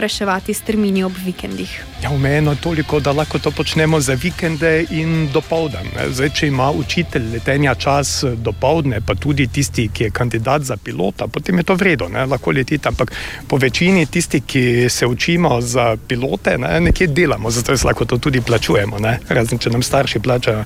In če delamo, potem smo dopoldne na delovnih mestih in popoldne na letališču. Pač tisto urco, koliko nam ostane, potem, ko se letališče zapre. Vsi ljubitelji letenja lahko za njihove aktivnosti koristijo tudi turistične bone. Ok, super, ampak ali je epilog te zgodbe na vidiku? Tega zaenkrat še ni. Filip Tobijas pojasnjuje. Po praktično 60 letih delovanja v skokah bomo najbrž morali drugam. Saj pod trenutno veljavnimi pogoji sožitje na letališču ni mogoče. Tako restriktiven obratovalni čas in plačevanje pristankov za klubsko letenje vodita le v propad društva. Kot veste, je pogodbena sankcija v primeru prenehanja sožitja, možnosti sožitja na letališču, izgradnja novega letališča. v roku dveh let. Dodaja še, da so nekaj predlogov za vzpostavitev sožitja že predlagali, med temi tudi, da bi po končanem delovniku letališča sami prevzeli delovanje in s tem preprečili možne stroške.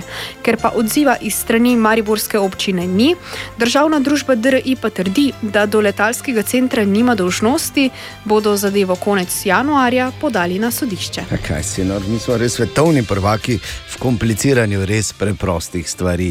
V vsakem primeru upam, da se to reši tako, da, bo vsi, da bomo vsi, predvsem pa, da bo naš najstarejši letalski klub v tem delu Evrope in na svetu, kot smo pribili danes, eh, zadovoljen, oziroma da bodo pilotke in piloti, padalke in padalci lahko še naprej nemoteno upravljali svojo dejavnost.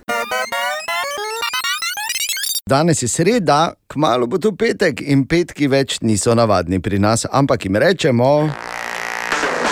Freaky Friday. Ja, med drugo in šesto, tako da, cenjeni kolegici, spoštovani kolega, če bi imeli možnost, da uh, vam, v, kar seveda ne boste imeli, ker pač mi ne moremo sodelovati, pa. to je zgolj za poslušalke in poslušalce, ampak hipotetiziramo, če bi imeli možnost, da uh, zavrtimo v petek pri Frasu Medvarju v našem Freaky Fridayju, oziroma petku po tvoje, katero tvojo skladbo, katera bi to bila. Recimo, Ana, povej. Mislim, moja, ne? Bila bi makarena, zato da se malo razmigam. Macarena.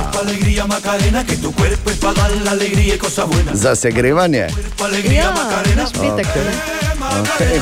Katja, katera bi bila tvoja, če bi ti jo vrteli? Uh, jaz bi dala zbog jedne divne crne žene. Zbog jedne divne crne Sploh več nič ne razlagaj, Katja. Resno? Oba lepo.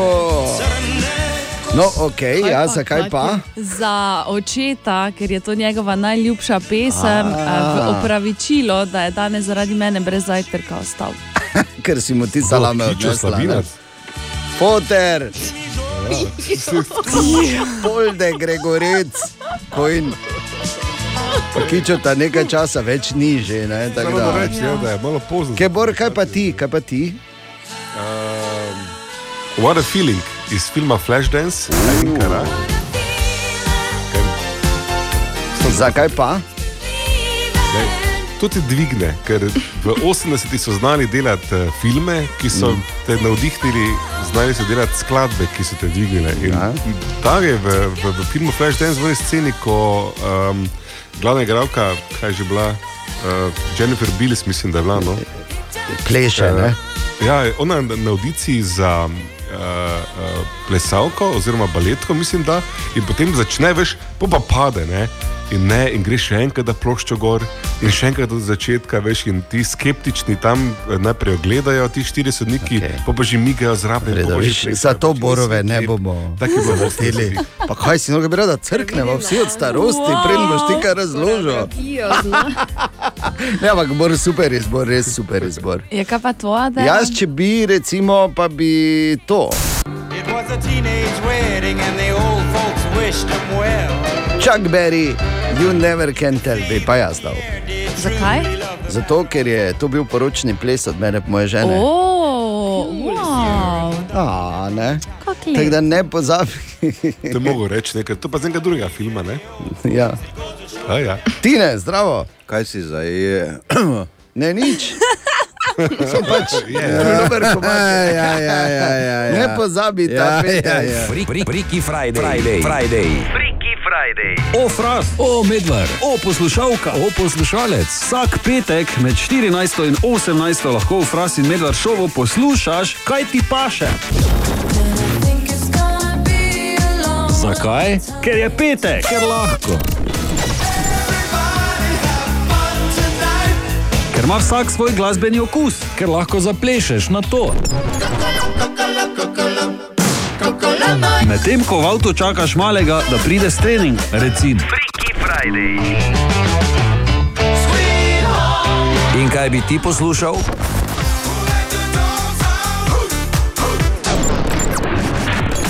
Povej Frasu in Medvarju, servis 211 in družbena omrežja Radia City. Freaky Friday. Freaky Friday. Vsak petek med drugo in šesto popovdne na Radiu City. O, Tine! Joj, že prišel, je med nas. Dobri Tine, stari, dobro ne. jutro. Ne, to zdi dalje. Tezek mraz, ne. mraz. Tine, ko je mraz. Ne? Ja. Mislim, nočem zdaj spostavljati, ne samo od nas tukaj petih, nima Tine najbolj sive lase. Ne? Pa ni najbolj Sivih. blizu Sivih las. Sivih las. Jaz sem z Maribora doma in lahko se sivimo. Ti nisi z. Maribora doma. In tudi, in tudi obstaja- Tine nima še enkrat najbolj sivih Ja, las. ampak pesmica je šla, jo že prišel je med nas, dobri Tine, ko je mraz. Ker danes je mraz, razumeš? Res je mraz. Ni No. za kratke. Ni za kratke. Si s kolesom? Pa daj, no, pa kaj je Pa s tabo narobe? Jo, pa kaj pa te zdaj se pa? Ja, se pa te, se pa te, kaj pa te. Ja, zdaj Ne? greš z biciklom ali pa peš, pa iz do mrzlo. ali kaj? Je, Ja, ne, ni, ne. Peš si malo počasneje. Ja. Je Ja, pa no, res, da še bolj bolj dolgo dolgo zebe. Tako da bolj dolgo Viš. hodiš. Tako da boljše je hitro stisniti, pa si pol, ne, imaš bolj mir, bolj ne? fraj. Kot da te Tako. dolgo muči, ne? Ja, kot da ti te matra. S kolesom, Tine, v bistvu v Kaj praviš ti? Koliko imaš do radia s kolesom v minutah? 120 minut, Po zadnji. Po zadnji v krogu. Ne? dve minuti pa pol. Evo. Če No, gužva. Ravno, ravno prav, da te zazebe, ker polko te pa odtali, ne, kot je toplo, je pa. Najbolj, kaj me zazebe, ko sem prijem, pa pozvonim. Pa Pa imam mojo srečo, da je v tistem momentu dejan gre v eter, pa, pa valjda ima najdaljši vstop ob uh, 7. Ja, to je vedno oziroma isto. 6, 45, imaš ti najdaljši vstop na svetu. Tudi najbolj Takrat me, takrat me zazebe, ko vuni Se nočem zdaj vprašati očitno, ampak si ključe zguba. Nijem ključev. Ker je pameten. Veš, kaj imaš ključe, imaš tako eno. Odgovornosti, pa- res je, res. Ne. A, povej, Torej, eh, raziskovali so in pazi to, eh, prišli do spoznanja, oziroma eh, no, naslednje stvari.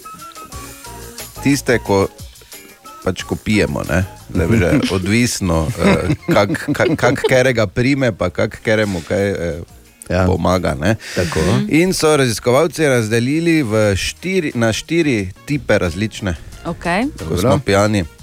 E, obstajajo uh, Hemingwayi, se jim reče. Ja. E, so- tisti, ki se v bistvu jim osebnost ostane taka, kot je.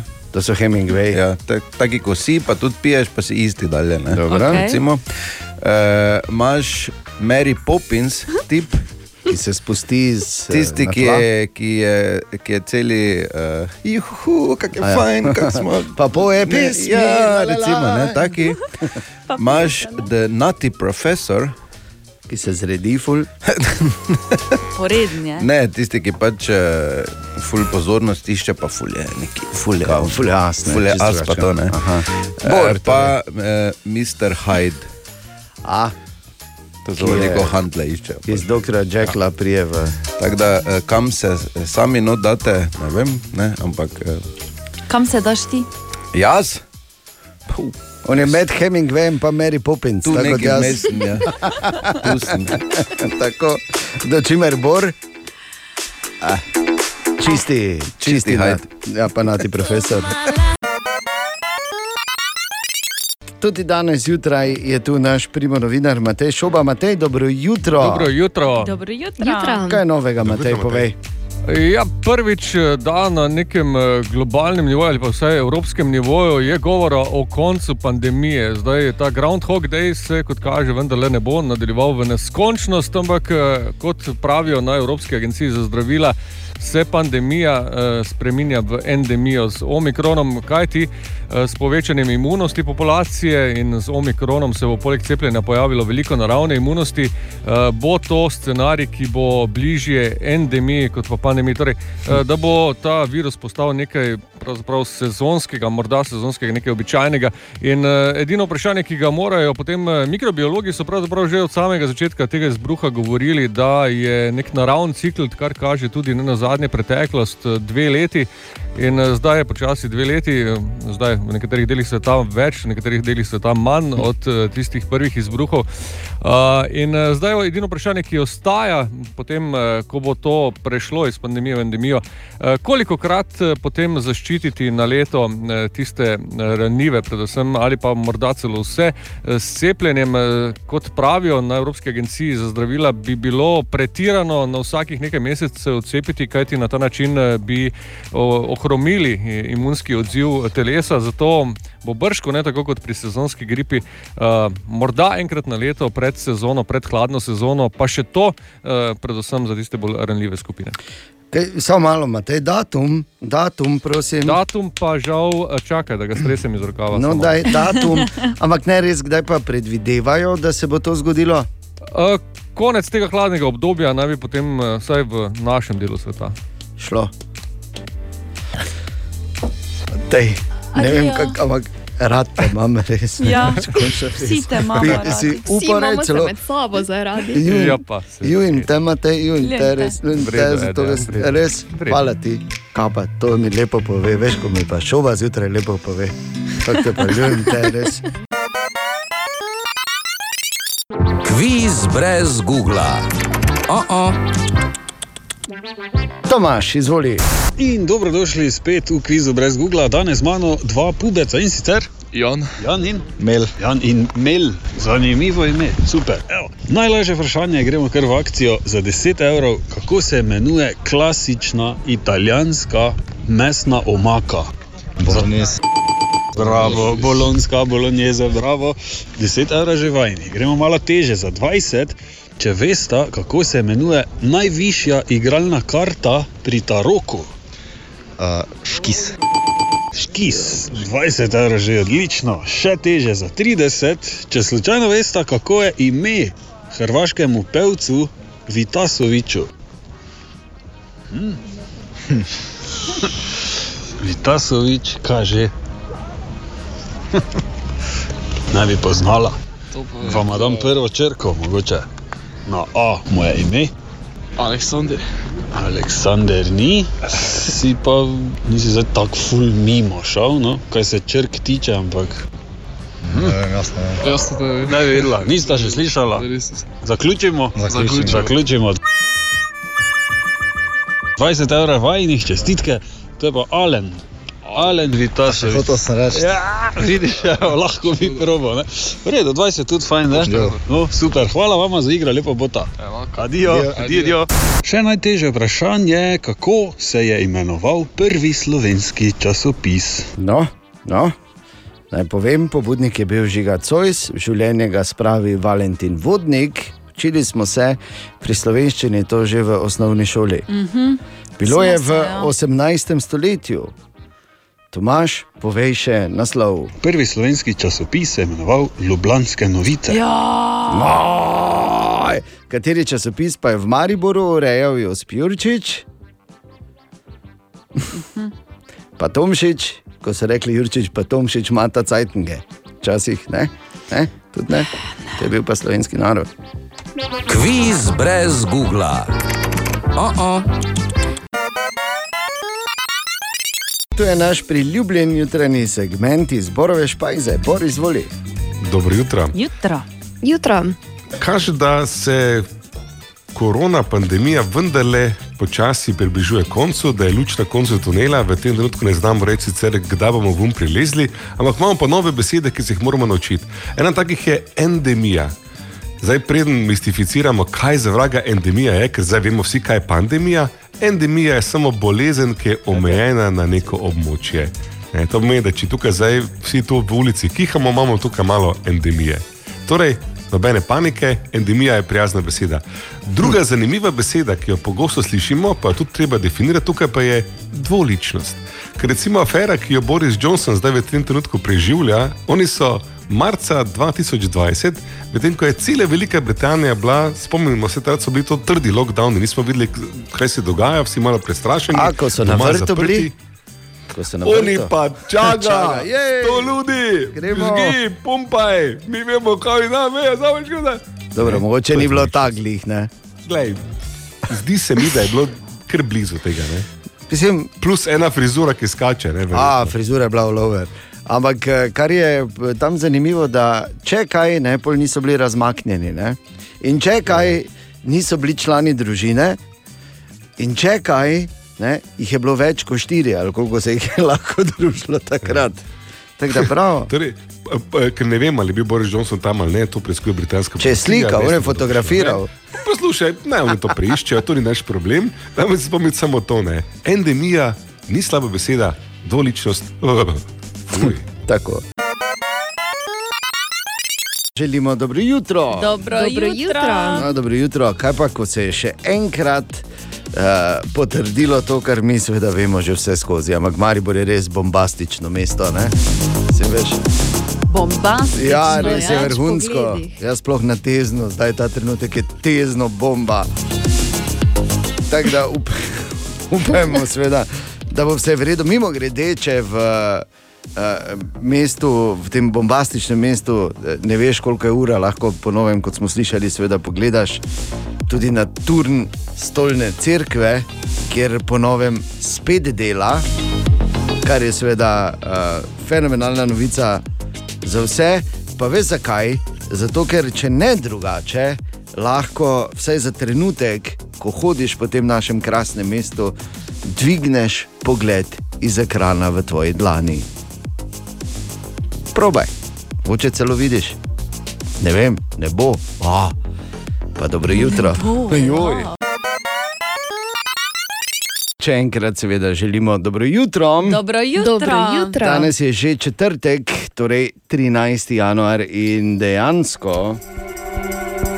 Dejansko imamo novo bombo v Mariboru, to je seveda novica številka ena in ne samo, da je tam natezno na področju eh, metalne, ampak eh, to seveda pomeni eh, ne samo, da je še enkrat več fokus na tem krasnem delu našega mesta, Absolutno. prevečkrat pokritem prezrtem. Ne? To pač moramo reči, zato seveda se tudi mi trudimo, da to vse skozi, da tezno res veliko krat omenimo, zahvaljujoč naši Ani.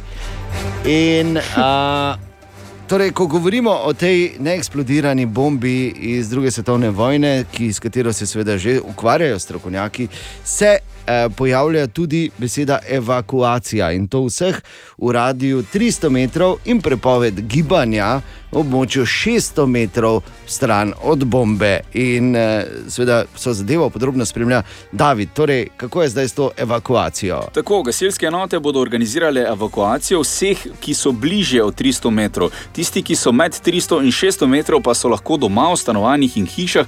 Gibanje zunaj je prepovedano tudi naprimer, z avtomobili ali ostalimi vozili. Namen teh eh, dveh radijev pa je, da če gre kaj slučajno narobe, delci lahko poletijo 300 metrov daleč, minimalno poškodujejo nas lahko tudi, če smo do 600 metrov daleč. Ok, in kam bodo šli evakuirani? E, Ni še znano sto odstotno, priporočajo, da se namestijo pri sorodnikih, e, niti še ni znano, koliko ljudi živi na tem območju. Igor Boh iz Uprave za zaščito in reševanje pa razlaga. Uh, Vse stanovalce se bo predhodno obvestilo, evakuacijo bodo izvedli pripadniki gasilskih enot. Kot sem dejal, želimo in upamo, tako kot se je zgodilo pred leti pri dveh letalskih bombah, da bodo ljudje zopet imeli uh, posluh za to, da se bodo umaknili svojih objektov in da bomo lahko uh, pričeli z delom. Za vse, ki pa bi imeli težave pri namestitvi to nedeljo, bodo pripravili posebej telovadnico oziroma dvorano, kamor bodo sprejeti. Tudi to bo javljeno še naknadno. Ok, in ravno ta nedelja, točno povdne, je dan D za tezensko bombo. Tako v dopodanskem času, okoli 12. ure, so napovedali, če bo vse šlo po načrtih, pa bodo končali okrog 15. Do takrat bodo teren in prizorišče pripravljali Igor Boh, uprava za zaščito in reševanje. Do nedelje, do 12. ure, ko naj bi se pričeli postopki samega onesposabljanja bombe, eh, bodo izvedena pripravljalna dela za zmanjšanje vplivov ob morebitni nekontrolirani eksploziji. Eh, Izvedeni bodo priprave za samo odvijanje vžigalnikov, eh, tako da, vkolikor bo vse potekalo kot smo si zastavili in ko bodo izpolnjeni vsi pogoji za sam začetek del, eh, nekako ocenjujemo, da bi lahko do eh, 15. ure v nedeljo eh, zadevo tudi zaključili. Tako v nedeljo popovdne bi moralo biti vse že rešeno. Ok, še o bombi na teznu. O bombi na teznu se pogovarjamo, še vedno je tam in naj bi bila do nedelje. Dobro jutro, Dobro jutro. Dobro jutro. mesto bomba in širše. Na teznu, torej na področju metalne, oziroma če smo natančni v Prevorškovi ulici, ki je niti tezenska staroselka Ana Lakota ne pozna in ne ve, kje je Prevorškova. Ja, vem, kje je Prevorškova. A Veš, kje je Prevorškova? Ok, oprosti. Ampak tam je torej bila najdena bomba. Dejstvo je, to nedeljo, točno popovdne, jo bodo, uh, jo bodo strokovnjaki onesposobili, dokončali naj bi svoje delo nekje do 15. ure, do takrat pripravljajo vse v nedeljo. Bo sledila tudi evakuacija vseh v radiju 300 metrov, prepoved gibanja pa je v krogu 600 metrov od same bombe. Ampak kakšna bomba pa pravzaprav je to? Ali je podobna tisti izpred parih let pri Evroparku v Mariboru, uh, vso dogajanje povezani, povezano z bombo na Teznu, spremlja David Gorinček. Torej, David, za kako bombo gre? Tako zelo podobna je tistim, ki so jo že umaknili iz terena pri Mariborski bolnišnici leta 2019. Darko Zonič, vodja intervencije, pa je dodal to. Ja, gre za klasično 250-kilsko aviobombo eh, z dvemi mehanskimi vžigalniki, sprednji in zadnji. Če bo šlo vse po sreči, bomo povdne v nedeljo začeli z postavitev bombe v samo jamo, ki smo jo zdaj eh, izkopali in bomo dodelali do teh deh. Eh, Sama globina te jame bo nekje 10 metrov, bo ratalo vse skupaj, plus nasip na vrh, v obliki podkve. Povedal je tudi, da sta mehanska žigalnika v dobrem stanju, kar je pozitivno, saj jo je potem mogoče lepo odviti in jo s tem deaktivirati. Je pa povdaril, vseeno so možnosti, da bo pirotehnikom v nedeljo uspelo žigalnika odviti 50-50. Torej, tako kot vse v življenju, ne? ali bo ali ne bo, 50-50. Ampak eh, ne samo, da je zdaj ta bomba bila najdena na teznu, strokovnjaki pravijo, da je tega železja pod narekovaji po Mariboru še res ogromno. Ja, Maribor je bil v drugi svetovni vojni med najbolj bombardiranimi mesti na območju nekdanje države, zato pa se tudi najde toliko tega pri nas. Sašo Turnišek, pirotehnik, je povedal, da so to bombo že iskali. Bombnik, če si predstavljamo, je seveda letel v ravni liniji čez mesto in ne spuščal bombe na tla, tako da so potem lahko tudi približno vedeli, kje te bombe so. Seveda, če na terenu ni bilo kraterja, je to pomenilo, da je bomba ostala neeksplodirana. Po pregledu arhiva smo m, zna biti, da je to ena izmed avionskih bomb, ki je zatajila v liniji. Nedaleč stran eh, smo imeli eh, pregled terena, kjer je bil dejansko samo eh, krater. Eh, verjetno je pa to ena izmed tistih, eh, ki je zatajila. Več kot 15 tisoč kosov razstreljiva je padlo na naše mesto in tudi okolico, če se za trenutek spomnimo tiste bombe iz Wurberka. Med januarjem 1944 in aprilom 1945 so skupno našteli 29 bombardiranj.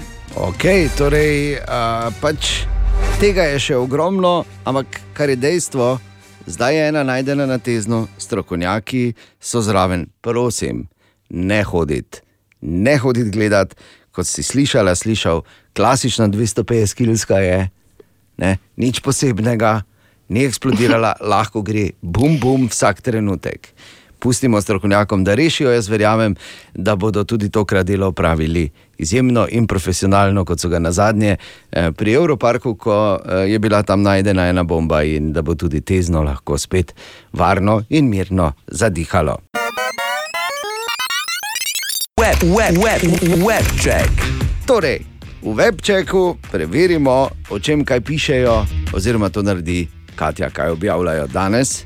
Eh, Razen tezenska bomba, ne? to je pač. To je izvzeto, ker Tako. smo že veliko govorili Tako o je. tem. A, tako da bomo govorili sedaj o stvarih, o katerih še nismo. Recimo o tem, da bo Peter Grašo postal očka.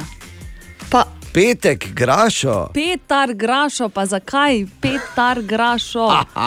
Kaj se je preimenoval, kaj? Ja, Ne, petek, grašo je. Petar Grašo. Samo malo, mislim, potem so govorice, da prihaja v Slovenijo resnične, ne, ker petek, Grašo. Če ti je petek, ne, kot pa petek. Ja, no, pa če ti jaz to pravim. Kdo je brez Mislim- greha naj prvi vrže kamen? Pusti ja. greh, ne? ni to prvi glasbenik, ki se je preselil v Slovenijo. Spomnimo se samo Đuli, ki živi v Sloveniji. Petar Grašo se ne seli v Slovenijo, očka bo postal. Ni to novica. Grašo. V, Čestite, čestitke petku, v kateri kraj pa gre? v, pe, petišovce. Torej, Petišovci, zgled PP, se je logično. Dobro, Ne okay. bom vam Pustite povedala, drugih ga, novic. prosim. okay, izvoli, prosim, ja, Ah. Rekorderji po sledilcih na TikToku v Sloveniji so zagotovo Dunking Devils, ki imajo več kot 2 milijona sledilcev. Daj nehaj. E, čisto za res. Potem recimo potekajo izbor za slovenski avto leta 2022 in nagrado je dobil Toyota Yaris Cross. Uh, zelo lep lušen avtek, super. Lušen avtek, ne? Ja, Vidiš, lušen, lušen. Sicer se veš, tako za vse nove avto velja, lepo jih je gledati. Ne? Ja. Malo manj lepo je, ko se začneš ja. meniti, kaj pa če bi. Ne, ne, bi. Ja, Samo ja. pač čestitaš, greš dalje. Ampak pač ja, lepo jih je pogledati. Ja. E, spomnim samo, da je danes izšel nov video spot od Adele. To imam, s to imam jaz rdeče oblečeno. A ja, si v Slavim, ja, seveda. ja, razumem, razumem. Ja. In pa Aquaman Jason Momoa je po 17 letih ponovno samski. Wow! Aquaman je spet fraj, kar pomeni, da je spet, ne, lahko se postavite vrsto, da vam vrže trident, kot se reče. Ne? Stojimo v vrsti že. si mislim. Mimo grede, Peter Grašo, za vse, ki ne veste, je pred časom, tega je že dolgo nazaj, takrat tudi dosti govoril za našo Ano, oziroma o naši Jo, Ani, oziroma naši Ani, ko je takrat rekel, recimo, Ana, dobro te jutro i obećavam ti da ću zapjevati tvoju najdražu pjesmu na koncertu u Taboru. Evo, tak, to je bilo še takrat, ko smo še imeli koncerte. Ja. Ko je Peter Grašo, recimo Ani, rekel: Ana, još malo vremena i pjevat ćemo zajedno. Ne? Spomniš, Ana? Zdaj to našo, a veš, da se. Ja, v arhivu, ne? Nisi ti slučajno ta, s katero ne, ne? samo da rešimo. Ne, nisem, ne, ne, obržemo te. Okay. Webcheck. Narečja so zakon. Ha, kva, koga, kaj? Ma ne razumem. Ja, točno to vse skozi vsak dan, že leta in to tako, da so enkrat prišli našega, uh, torej lingvističnega biža, uh, biža, biža, biža božjega, Marka Frasa snemati z televizije. Televizije. Z televizije. Ja. Na Ker roko na srce, kakorkoli se zavrkavamo iz njega, to je ena oddaja, ki zelo dosti da na narečja in uh, slovenščino. In to za na narečja pa strokovni način. Tako, in za narečja vemo, so zakon. Pa Marko, dobro jutro. Ja, Bor. Ja, Bor. Dobro jutro. Jutro. Zdravo. Na zadnje smo iskali narečne izraze za posteljni vložek. Sem Natalija, prihajam iz Trkanjaka. Izraz za posteljni vložek je jogovec. Oskar z Malečnika. Za posebni vložek smo mi rekli štruzok. Sandra sem z Lendave, bivša Mariborčanka, ampak porodo prekmorka. Prekmorje se je vedno reklo madroc. Zdravo, Sebastian tukaj iz glavnega mesta Dravskega polja, Rače. Pri nas eh, smo rekli včasih eh, modroc oziroma posteljnim vložkom modroc ali pa špampet. Jaz sem Sonja, sicer iz Tezna, ampak kot otrok se spomnim, da drugega nismo rekli kot Einzat. Einzat je bil sicer oblike jogija, današnjega, na katerega so šli trije madraci. Leseni okvir, kaj je bilo notri, ne vem.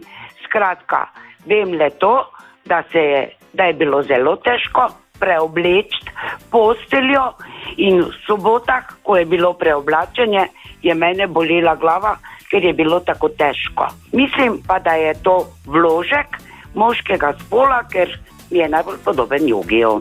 V tem tednu pa iščemo narečne izraze za električni ogrevalnik oziroma kalorifer. Kaj pravite vi trije? Puklava, ptuhinec in publikanuš. Puklava. Si ti, publikanuš, nas ostalo pa tako je, vse. Če kaj nisem, nisem pukla, puklava, ja. Publika. Pardon, se pravičujem, ampak kakšne besede. Mislim, zdaj pa bomo začeli žaliti, počasi frasa. Jaz sem pa pozabil, vmes kaj je. kaj je. Ja, ja, za kalorifer. kalorifer. Ja, kalorifer, ne? Ja. In to je krvnik. ena, ena od Krvnik. tistih stvari, ki jo otroci eh, v bistvu najbolj dolgo rabijo, da jo osvojijo pri izgovorjavi. Drugače ne, drugače takoj vejo, ki je treba obrniti. Ja. Ne? Ker seveda ne plačujejo računa, ne, ko pride. Zato se ne ja, enkrat.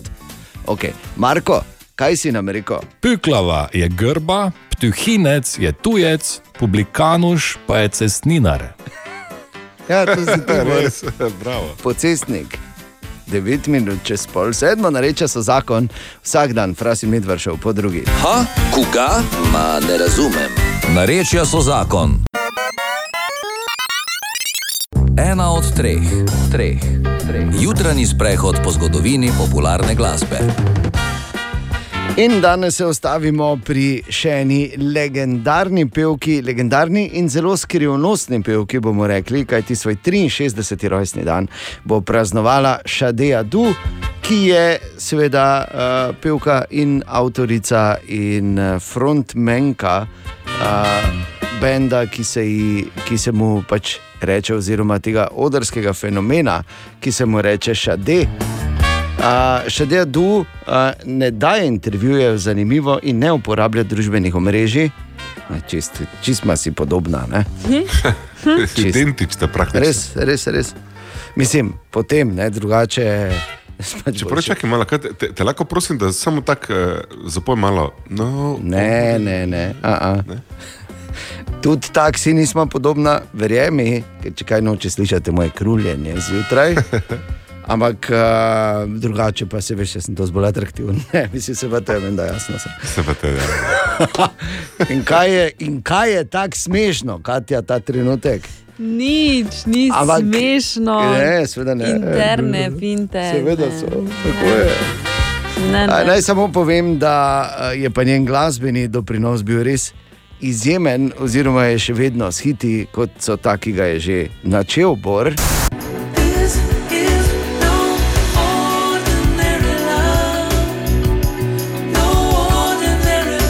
Ali pa denimo By Your Side.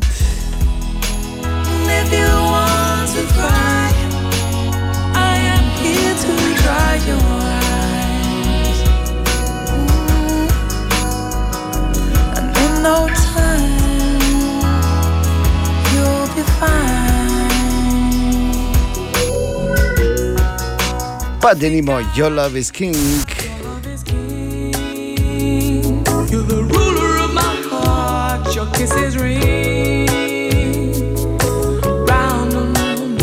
In pa seveda Smooth Operator.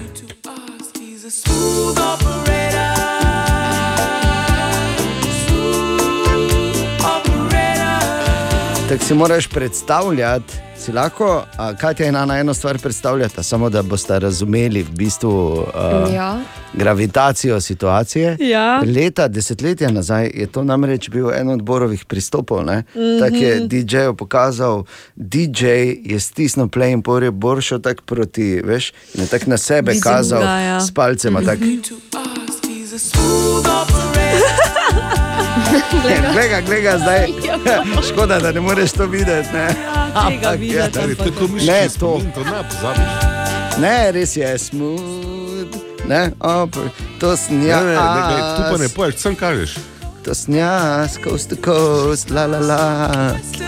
Ali si dovolj pogumna, ja, ja. Ok, dobro. Morda ni bilo glih tak, v vsakem primeru pa izjemna še D, ki bo praznovala 63. rojstni dan. Želimo dobro jutro. Dobro jutro. Dobro jutro. Če je dobro jutro, naj tako rečem, nekdo tu je že jedel prve krofe. Okay. Okay, danes? No, včeraj, ampak da drži to. Če jih znajo delati. Ah. Okay. Ah. V čem so jih filali? Je, s čem? Kaj boš Kaj z- povedal? ali? Marmelado, ne štem se No. te krofila. A, Imaš vanili, Pa čokolado, čokolado, tako, pa- pa kokos, Pa brez pa- vsega. Tako, pa Ja, brez vsega ni krofil. Slivovo marmelado, Glej, ne, ne, pa ne, ne. Ne, ne, ne, malo. aronino Dobre, dobre, marmelado, pa imaš Ne, poslušaj me. mešano marmelado. Ne, ne, ne, ne, ne, ne, ne. Mešano. Veliko je iger za žogo, ampak samo en je Tako je tudi samo en marmelado. za pravo marmelado. Jagodno marmelad. No, se razumeš, ne? Vah, jaz se tudi veselim, bor zavidam ti, prvi si kreno, prašič. Danes se začne Evropsko prvenstvo v rokometu za moške in pred začetkom kraljamo z trenerjem naših mariborskih rokometašev in enim najboljših rokometašev vseh časov v Sloveniji, to je Luka Žvižej. Luka, ve, Luka vemo, imamo nekoliko spremenjeno reprezentanco, ampak eh, od katerih igralcev se na nek način zdaj na Evropskem prvenstvu pričakuje največ? Ja, največ zrelosti se seveda pričakuje od uh, kapetana Jureta Dolenca, ki ima, na, mislim, da najdaljši staž v tej reprezentanci. Potem uh, seveda uh, veliko se pričakuje od vseh srednjih, uh, od Mihe Zarabca, um, uh, Staša Skobeta, konec koncev tudi uh, vedno vidnejšo vlogo bo imel uh, Makuc. Uh, potem na krilih Kodrin, uh, Janc, uh, Marguč in pa seveda Mačkovšek v obrambi od teh eh, v bistvu tudi jaz uh, največ uh, pričakujem, ker to so igralci, kako sem že prej omenil, ki imajo uh, vidne vloge v svojih ekipah in uh, to bo zdaj pač mogli tudi v slovenski reprezentanci uh, še enkrat samo potrditi. Okay. In katere so največje prednosti? Prednosti so sigurno to, da, da imamo igro, da imamo uh, uh, sebeke, ki, ki znajo, ki lahko igrajo z ostalimi, ki lahko igrajo sami, uh, ko imajo to povezanost. Uh, smo zelo hitri, zelo, zelo igrivi, tudi uh, dobri improvizatori. Slabost je pa mogoče v tem, da nimamo na bekovskih eh, linijah, se pravi levi in desni bek, da nimamo neke širine, da nimamo previsoke, previsokih igralcev eh, v večjem številu, uh, ker bi lahko recimo, bili nevarni bolj oddaljen. Zato je tudi naša igra sloni bolj na, na, na hitri igri, na, na več preigravanju, in več tega kot Ja, in upam, da bomo uspešni eh, v teh segmentih že danes na prvi tekmi proti Severni Makedoniji ob šestih. Eh, se bo vse skupaj začelo. In za konec, če bom rekel tako klasično vprašanje, vedno, ko eh, z Luko govoriva, moram vprašati to. Kot eden največjih, ki je kadarkoli prejel za rokometno žogo v Sloveniji. Ali lahko, prosim, tokrat pojasniš, zakaj se veliko krat dogaja, predvsem v Sloveniji, moram reči, za druge me niti ne zanima, če sem iskren, da lahko vodimo celo tekmo za 100 golov, pa bo končnica vseeno napeta. Uh, ja, mislim, zakaj se to dogaja? To, to je kar eh, zapleteno vprašanje, oziroma ni tako lahko najti odgovora, ker če bi to najdel, potem se te stvari več ne bi dogajale. Uh, enostavno tekma uh, gre potek tekme, gre gor dol. Uh, Seveda, mi želimo biti vse čas gor, uh, čim manj uh, dol, imeti čim manj teh slabih trenutkov. Uh, Včasih pač pride tako, da, da se zgodi določena stvar. Uh, ne igraš sam, uh, igraš vedno proti nasprotniku in tu je vse možno. Uh, tako da nekega direktnega odgovora, uh, zakaj je to tako, uh, mislim, da ga noben ne pozna. Ker če bi to bilo, bi imeli samo enega, ki bi zmagoval, ostali pa ne bi nikoli zmagovali. Ja, okay. Luka, hvala lepa za tvoj čas, vse dobro še naprej pri delu z našimi rokometaši. Danes se torej začne Evropsko prvenstvo v rokometu za moške, naši igrajo prvo tekmo proti Severni Makedoniji danes ob šestih. Želimo dobro jutro. Dobro jutro. In zdaj, čeprav so ti prazniki že mimo, samo za trenutek naj spomnim na eno lepo stvar. Rodilo se je dete 29 let nazaj, bil je 13. januar, ni bilo v jaslih, ni bilo v Betlehemu, je pa bilo na teznu. In to dete je bilo seveda drobno in odnegdaj blond. Ampak to je najbolj pasalo od vsega. Hodila je na šolo, na klavoro, pole šla dalje in je končala tu, kjer je zdaj. Ni slabo, lahko bi bilo dosti hujše. In to dete ima zdaj velike probleme, kajti grozi ji, da ji bo bomba vzela velik del njenega tezenskega posestva. Z željo, da se to ne zgodi, draga Ana, ti želimo vse najboljše. Vse naj naj. Najlepša hvala. Pa ne bi vzeti kraljestva. Da bi ja tezenska bogatija ostala nedotaknjena. Tudi po tej nedelji, ko bodo detonirali, oziroma, in da bi dolgo še uh, bila zdrava in z nami, podkrepimo to z tebi, ljubo od Bruna Marsa. Leave the door open. O, Tine! Ljudje, pozdravite Tineta. Dobro jutro. Dobro jutro. Ste presenečeni? Tine, pozdravljen. Zakaj je to zgodba o tebi, če ima Ana rojstni dan? Mislim, ne razumem. Tine, čestitaj. Ja, če lahko prijem do besede. Tako. Eh, Vse najboljše, Ana. Hvala ti. Ne. Dolgo si je pisal ta tekst. Ja, veš, ko pišeš, pa brišeš, pa pišeš, Ja, pa bova, najboljše ostane. Ne? Ja, res je. Vse najboljše. Vse pove. Door Je pa open, vrata so odprta. Ja. Tudi Čeprav- zdaj, ko je mrzlo. ne. Uh, to je kar, kar, eh, kar bom rekel, ne? izraz neke naklonjenosti, luftam, kljub temu, da je drago. Torej, Tine, kaj imamo danes lepega? Vemo, kdo je Doli partner. Seveda vemo. Zelo Ja. primerno, Ja, to. seveda, Seveda vemo. vemo, po čem je znana. Tudi to Po vemo. pesmi 9 to 5, ampak kaj je Po hvala? zizikah. Po zizikah. Veš, da je ona zizike imela, ko je bila v drugem razredu. je Ja, še prej, verjetno. ne, Pol pa je imela neke bombe. Bombe. Prav to ni pravi izraz te dni, ne? Ja, mogoče ne. Sploh ne Ja, te, mo, tezno. te, mor, te moram res razočarati, da, so te, da je to prsje bilo. Mm, Ne, totalno. nazaj pokvari kaj zdaj pač povem? No? To je kar znano dejstvo. Kaj? Ne naravne ima take, res je. Ja. Ja, Vsi no, smo mislili. Vseeno, skratka, hotel sem povedati, da bila je znana. Uh, potem, ko je imela kakšne sestanke ali pa ko so pač eh, ne vem, neka snemanja, pa te stvari, ko so imeli, eh, da je bila znana potem, da je um, ustavila sestanek za eno minuto, pa je rekla, eno minuto vam dam, pa so se vsi lahko nagledali, pa so lahko dalje šli s sestankom.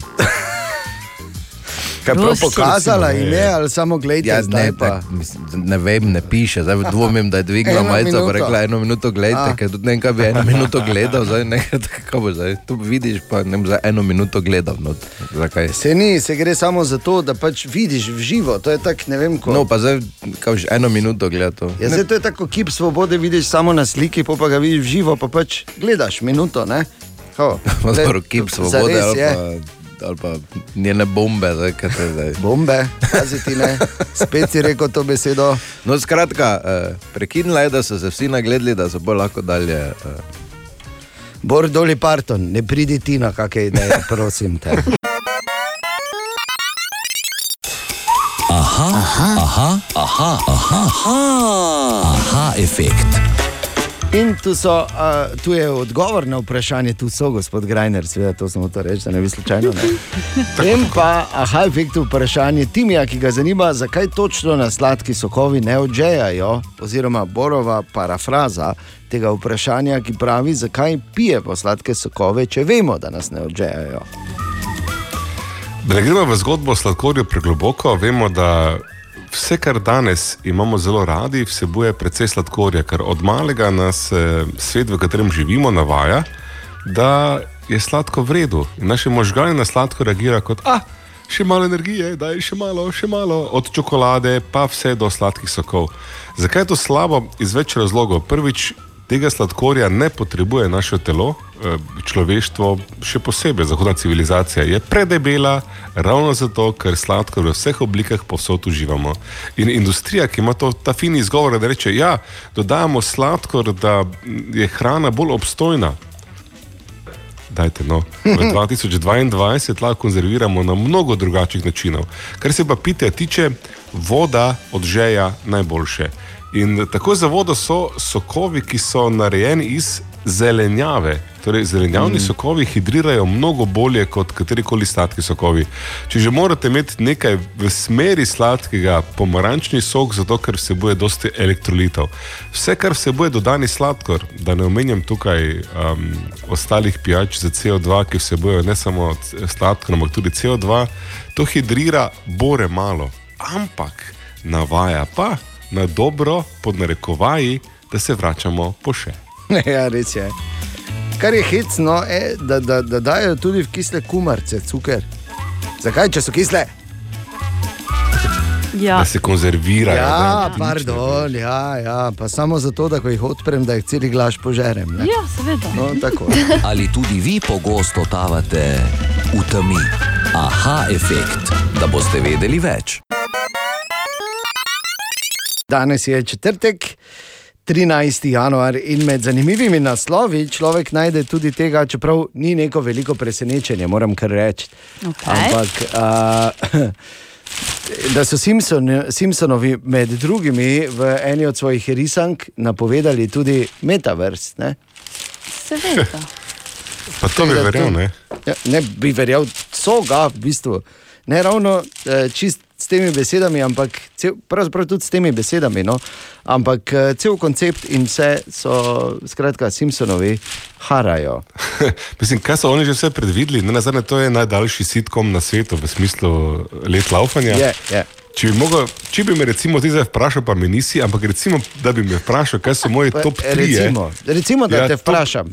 Ajde, top 3 napovedi v Simpsonih, po moje, uh, oni z uh, ribo, ki je imela tri oke. Ko so napovedali, ko, mislim, da je Barton in Liza sta blinkja plovila, ko ima tri Mhm. oke. Ja, ja.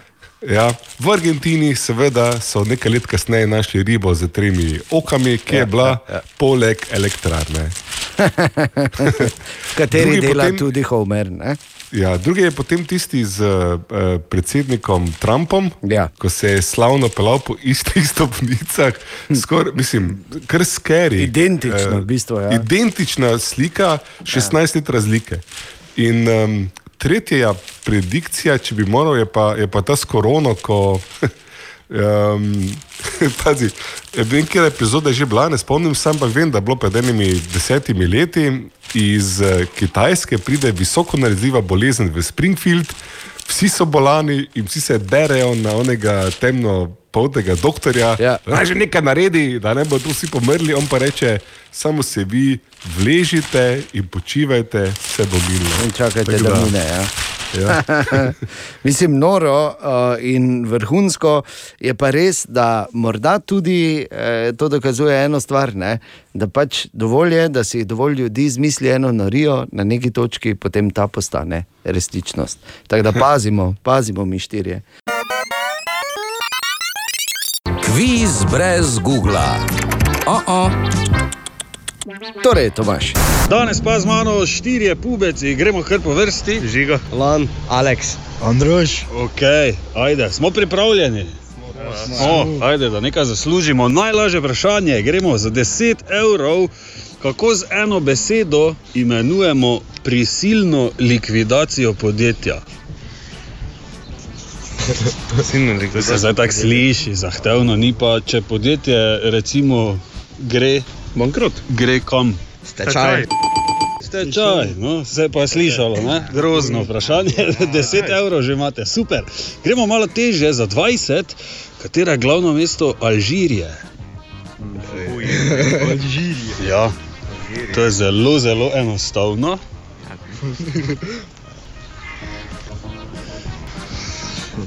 Kaj če vam dam prvo črko? Da vidim, če me boste razumeli, ko rečem, da je enostavno. Prva črka je na A tudi. A? Alžirija. Je Alžirija. Zelo blizu si. Skrajšati morate samo. Alžir. Alžir, ja, to 20 evrov že imate, odlično, gremo še teže, za 30, morda bo zdaj to uh, za vas lažje. Če bi vi vedeli, glede na to, da ste mladi, Ja, ja. z katerega mesta je bila tovarna obutve Peko? Peko. Hm? Ste slišali že za to firmo? Ne, Ja? ne, jaz sem čul, ja. To je v bistvu slovenska firma. Ja, Peko. Jasno, Ne bi vedeli. ja. Kronjo. Ne? Ne. Tudi ne? Iz Peker. Bi bilo logično, ja. Skomnica. Kaj te ozem? Tu sem jaz za to. Kamni. Ne. Ne pa Ljubljana. Ne, ne, Ne, ne, ne. ne. Celje. Tudi celje ni, tudi celje ni. Vse ste skoraj probali, ne? Smo skoraj probali. Zaključimo. Ja. Ok, 20 evrov ste zaslužili, to je tudi super, ne? Ja. ja super. Peko je pa bil iz Tržiča. Ja, evo, zdaj veste za vedno, Ja. skot je peko, ne? Priješ, Ja, čuješ, ja, ti veš, skot je peko, stržiča, ne? lahko rečeš. Ne? V redu, hvala vam za igro, lepo bote. Adijo. In še najtežje vprašanje, kako se imenuje član posebno manjšinske rasne skupine? Hm? Ja. Katja. Ne, niste, prleki, niste tako mala skupina, kot si mislite. Jaz bi rekel samo tako, Tomaš, ni etik, ampak je etnik, če se ne motim. To je pa etnik. Sem rešil nekaj križank v svojem življenju, to je vse, kar bom rekel. Že vidim. Tako da naslednje, kar je treba vedeti, je, kako se reče ribiški mreži, pas pri kimonu in pa uh, sankam za reševanje na smočišču. Kviz brez Google. Oh -oh. Želimo dobro jutro. Dobro Dobro jutro. jutro. Samo eno stvar bi povedal. Zdaj prehajamo, s tem, ko smo šli v leto 2022, prehajamo v tudi volilno obdobje. Ne? To naslednje leto, spravi državno-zborske one, tiste celo županske volitve, eh, se na nek način približujejo, ne bor, ne bi kazali. Ne, z, Ja, no, zdaj pa je že čas, ne? Ja, Zdaj pa je že čas, da absolutno. neham. Pa to ti Prevzaj razlagam. malo odgovornost, ne? Tako, za mesto. Kot, tako, pa neki tak? tako, tako, tako, tako, kot tako se dela, imaš svoje podizvajalce. Ja, tako. Ampak kar hočem povedati je, glede na to, da se in županske volitve, ko bodo, ne bodo samo v Mariboru, ampak bodo širše, zato sploh če ne živiš v večjem mestu, bodi prijazen do vseh, ker nikoli ne veš, kdo bo naslednji župan. In ko bo naslednji župan, dobi tudi, seveda, eh, tisti kufer, v katerem je županski sprožilec in te lahko eh, tudi, eh, kar tako sredi dneva, zraketira z raketami, ki jih imajo župani za obrambo. Ja. Tako da moraš paziti. No, v vsakem primeru, fajn je, da gremo previdno ne, skozi. 4 minute čez šesto, tezno, si še tu. To Zdaj pa za res dobro jutro. Dobro jutro. Dobro jutro. Ki mislim, da je varno reči, da je tezno še vedno tu. Ne? Je In da tu. bo, je, je. Ana lahko pove iz prve roke, kaj si bila danes tam, si že s kom Ne. pogovarjala, si gledala Danes kamere. Ne, še. Okay. Včeraj pa Ja, no, kaj pa si tako gotova, kaj če tezna več ni? Seveda je, da ne govori takšne stvari. Pustite mi kraljestvo na miru. Seveda, da je, tako je. Torej, dobrodošli, danes je petek, 14. januar in ker je danes 14. januar, je treba takoj spomniti, da ne bojo razočarane čez en mesec. Ne? Pa da ne boste Ja, ja, vi prosim, po ja. suhem vlekli svojega kanuja. Če Čez se en mesec je Valentinovo. Podoba. Ja, pač. Jutro je vedno, bomo rekli tako, veš, to je kot uh, tista vesoljska meglica, v kateri se rojevajo zvezde in planeti. Mm. -hmm. Tako je s prispodobami zgodaj zjutraj. Kako pa te? A, e, torej, čisto za res pa, Katja, Ja. ti si rekla, da veš, zakaj vse je dobro, da si moški pustijo brado. Zdaj govorimo o moških bradah, ne govorimo o. Ne, o O bra- moških bradah. ne, ne govorimo o braduclih. Ne? Ne, o moških bradah govorimo. Torej, dobro je zaradi tega, ker, si, oziroma, ker vam kožo ščiti pred son, soncem. Tako ali tako. Potem recimo preprečuje različne alergije in ob tem tudi napade astme. Tako. In kar je v bistvu najbolj pomembno, sej ne da moški to sploh potrebujete, ampak preprečuje staranje. Mm. To je, zdaj, zakaj je to zdaj Katja povedala? Preprosto zato, ker ziger je danes zjutraj tam nekdo, ki se gleda, pa si misli, kaj bi si pustil brado ali ne bi. Daj si. Ali bi si pustil ali ne bi, kako bi jaz to zgledal, veš, in pol vzame pač nekaj črnega, pa si nariše. Ne? pa Pa si misli, pa se gleda, pa ja, pa se bi lahko, ne? Veš, kaj pa če bi imel samo tu? Kaj pa dobrodelni moment, Katja, tega pa nisi upoštevala. Ja. Kakšen dobrodelni nam Ja, ta moment? brada je ja dom številnim živalicam. Ne? Ne, je pa Bor zdaj zanimivo stvar izpostavil in sicer, da če razmišljaš o tem, pol lahko, ja, jaz imam že desetletja v bistvu, ne? Brado? brado kar Katja me sploh ne pozna brez brade, prav ne? Ne, res Tako ne. je. Naprimer. Ampak ona je še mlada, imaš tudi starejše, ki me ne poznajo, praktično brez brade. Ampak je pa, moraš pa vedeti, da uh, ima številne pozitivne, ne, ker tiste, tistih bistvenih, Katja seveda ni povedala, kot je na, seveda, uh, na subtilni ravni, deluješ bolj možato. Ne, Ja. in, in se samice bi v tropu raje odločile za nekoga takega. Če Ja, si seveda še v tej fazi. ne. tako, tako, tako. In pa moraš vedeti, da prinese to dodatno delo zraven. Ker med brado ni samo med brado, mislim, dobro, lahko si tako krek, pa si veš, ne. Ja, pa ti Ampak je. mislim, da to ni, eh, pa zdaj vsem dolžnim spoštovanjem, da gospoda doktorja ne narobe razumeti, nima nobene veze s tem, kar počne. Uh, ampak pač mislim, da je to luk, ki, ga, eh, pač, ki mu nočeš slediti. Samo povem, ampak gledaj vsak po svoje, mogoče komu pač se bedanec lepo vleže.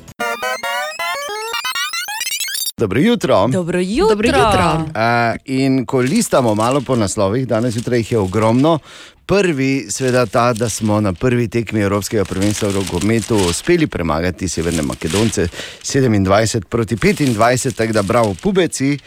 Je pa še en naslov, ki sem ga našel, piše pa takole: Proti gubicam pomaga masaža obraza in obrazna joga. Zdaj pa tako, če imaš gubice, pomeni, da imaš tudi nekaj let že. Ne? Nač, varno je reči, zdaj, če nisi Benjamin Button, ne, če imaš gube, si starejši ne? ali starejša. Okay? Privzamemo, da je tako, privzamemo, da je tako. In če si starejša in, in, in imaš gubice in, in te to jezi, potem jaz mislim, da je skrajni čas, da narediš dolg, dolg, dolg in globok požirek iz čaše, na kateri piše: Odrasti že enkrat. Ne vem, kak je s tabo, ampak meni bo več kot očitno odleglo v nedeljo popovdne. Ne glede na to, da verjetno ni tako resno, ko se pogovarjamo, ampak vseeno nimam rad, ko je v nekem delu mojega mesta neka bomba, ki čaka na deaktivacijo. V tem primeru je to tezno. Na tezno imaš pa še manj rad. Skrit, ja, res ta skrit biser, Maribora. Um, Niti ne tako skrit, odkar je Ana tu. Ne? Torej, osebno čutim ne, to težavo. res je tako, sploh zato, ker te je strah za tvojo veleposest tam. Ne? Ampak dobro, pustimo. Bomba na tiznu čaka na nedeljsko intervencijo. In David je uh, malo raziskal, kaj vse bo treba narediti z njo, da jo deaktivirajo. Tako, izvedel sem, oziroma govoril sem z vodjo enote civilne zaščite za neeksplodirana ubojna sredstva, torej govoril sem s Sašom Turnškom, ki je povedal najprej, kaj vse jo čaka do nedelje, oziroma kaj se zdaj dogaja. Zdaj trenutno pri, eh, poteka vsa pripravljalna dela, kar pomeni, da moramo zdaj prvo pripraviti gradbeno jamo. Uh, zasuli bomo, naredili bomo en taki um, zid oziroma prepreko, tako kot smo tudi tu pri Mariboru oziroma pri Evroparku pa pri uh, železniški postaji oziroma pri avtobusni.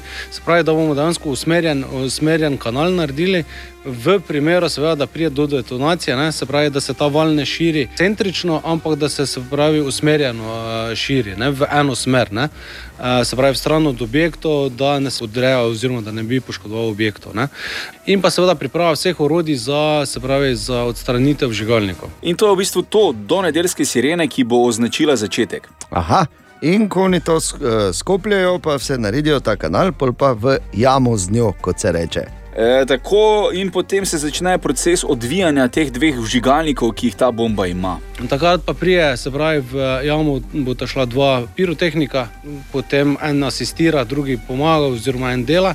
In pa seveda v tistem, v tistem bo ta se lotila prvo ali zadnjega, prvega vžigalnika, tisti, ki je se pravi, bil prvi, ki je bil nekoliko bolj poškodovan, se pravi, bo ta se prvo lotila prvega, eh, se pravi, odvijanja s tem posebnim orodjem. E, Vžigalnika sta dokaj dobrem stanju, so rekli? Uh, Vžigalnik, eh, glede na to, da te stvari so hermetično zaprte, se pravi, so dejansko, ko bo prišlo od, od, eh, do odstranitve, so popolnoma nedotakljivi, noč so kot novi, se pravi, kot da bi jih včeraj izdel, izdelali. Ne?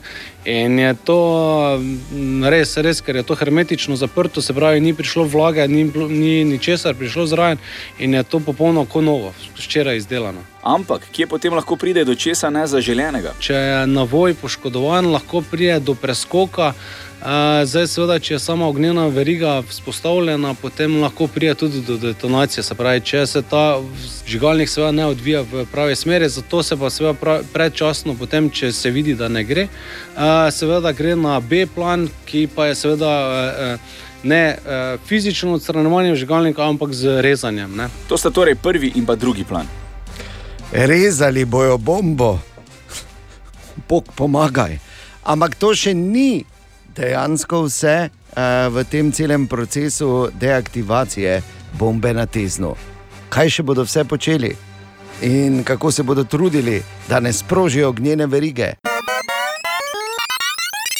Na tezno, kjer bomba, neeksplodirana letalska bomba iz druge svetovne vojne, še vedno čaka na deaktivacijo, ki se bo zgodila v nedeljo. Z željo potem, da bi šli, da, oziroma da bi šla vžigalnika odviti in da ne bi bilo treba rezati, kot je ugotovil David. Ampak v vsakem primeru bo treba vžigalnika ločiti od bombe in kako točno to izgleda. David. Je v bistvu enostavno povedano, morajo ju fizično ločiti od eksploziva. To se pa potem naredi kumulativni trak, se pravi, en z, z eksplozivom, in se dejansko ta, ta del uh, vžigalnika odbije od samega eksploziva. Uh, tako da zdaj v tem, tej situaciji, se pravi, ko bo to odprto, ko bo to dejansko to pride do takega udara, da dejansko. Uh, odbije ta vžigalnik, in ni možnosti eh, prenosa, detonacije oziroma tega na eksploziv. In obstaja še tisti tretji načrt, po katerem je potrebno bombo detonirati, ampak Turnšek pomirja. Do tega ne bo prišlo. Ne.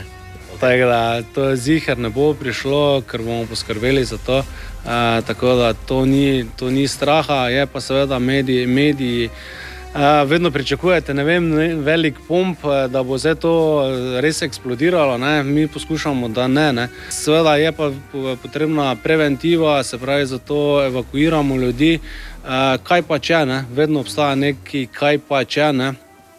V tem primeru pa bi seveda bil raznos pri detonaciji zelo velik. Ne. Ja, mediji sprašujemo, zato ker ljudi vseeno zanima, kaj pa če. Ne? Ja, se to je bilo in takrat že prvič pri Wurbergu se ni nič takega zgodilo, potem seveda pri eh, železniški postaji, pa pri Evropar oziroma pri avtobusni ni bilo ne vem kakega. To je za nas dobro, ne? Uh, ker namreč, če bi šlo v detonacijo, samo avionska bomba, bi bile posledice dosti dost, dost, uh, hujše. Ne? Torej, ni razloga za skrb, je pa preventiva vseeno nujna. Ja, in super, da bi le uh, v bistvu ti pirotehniki tako delali, da se nikoli ne bi nič slišalo.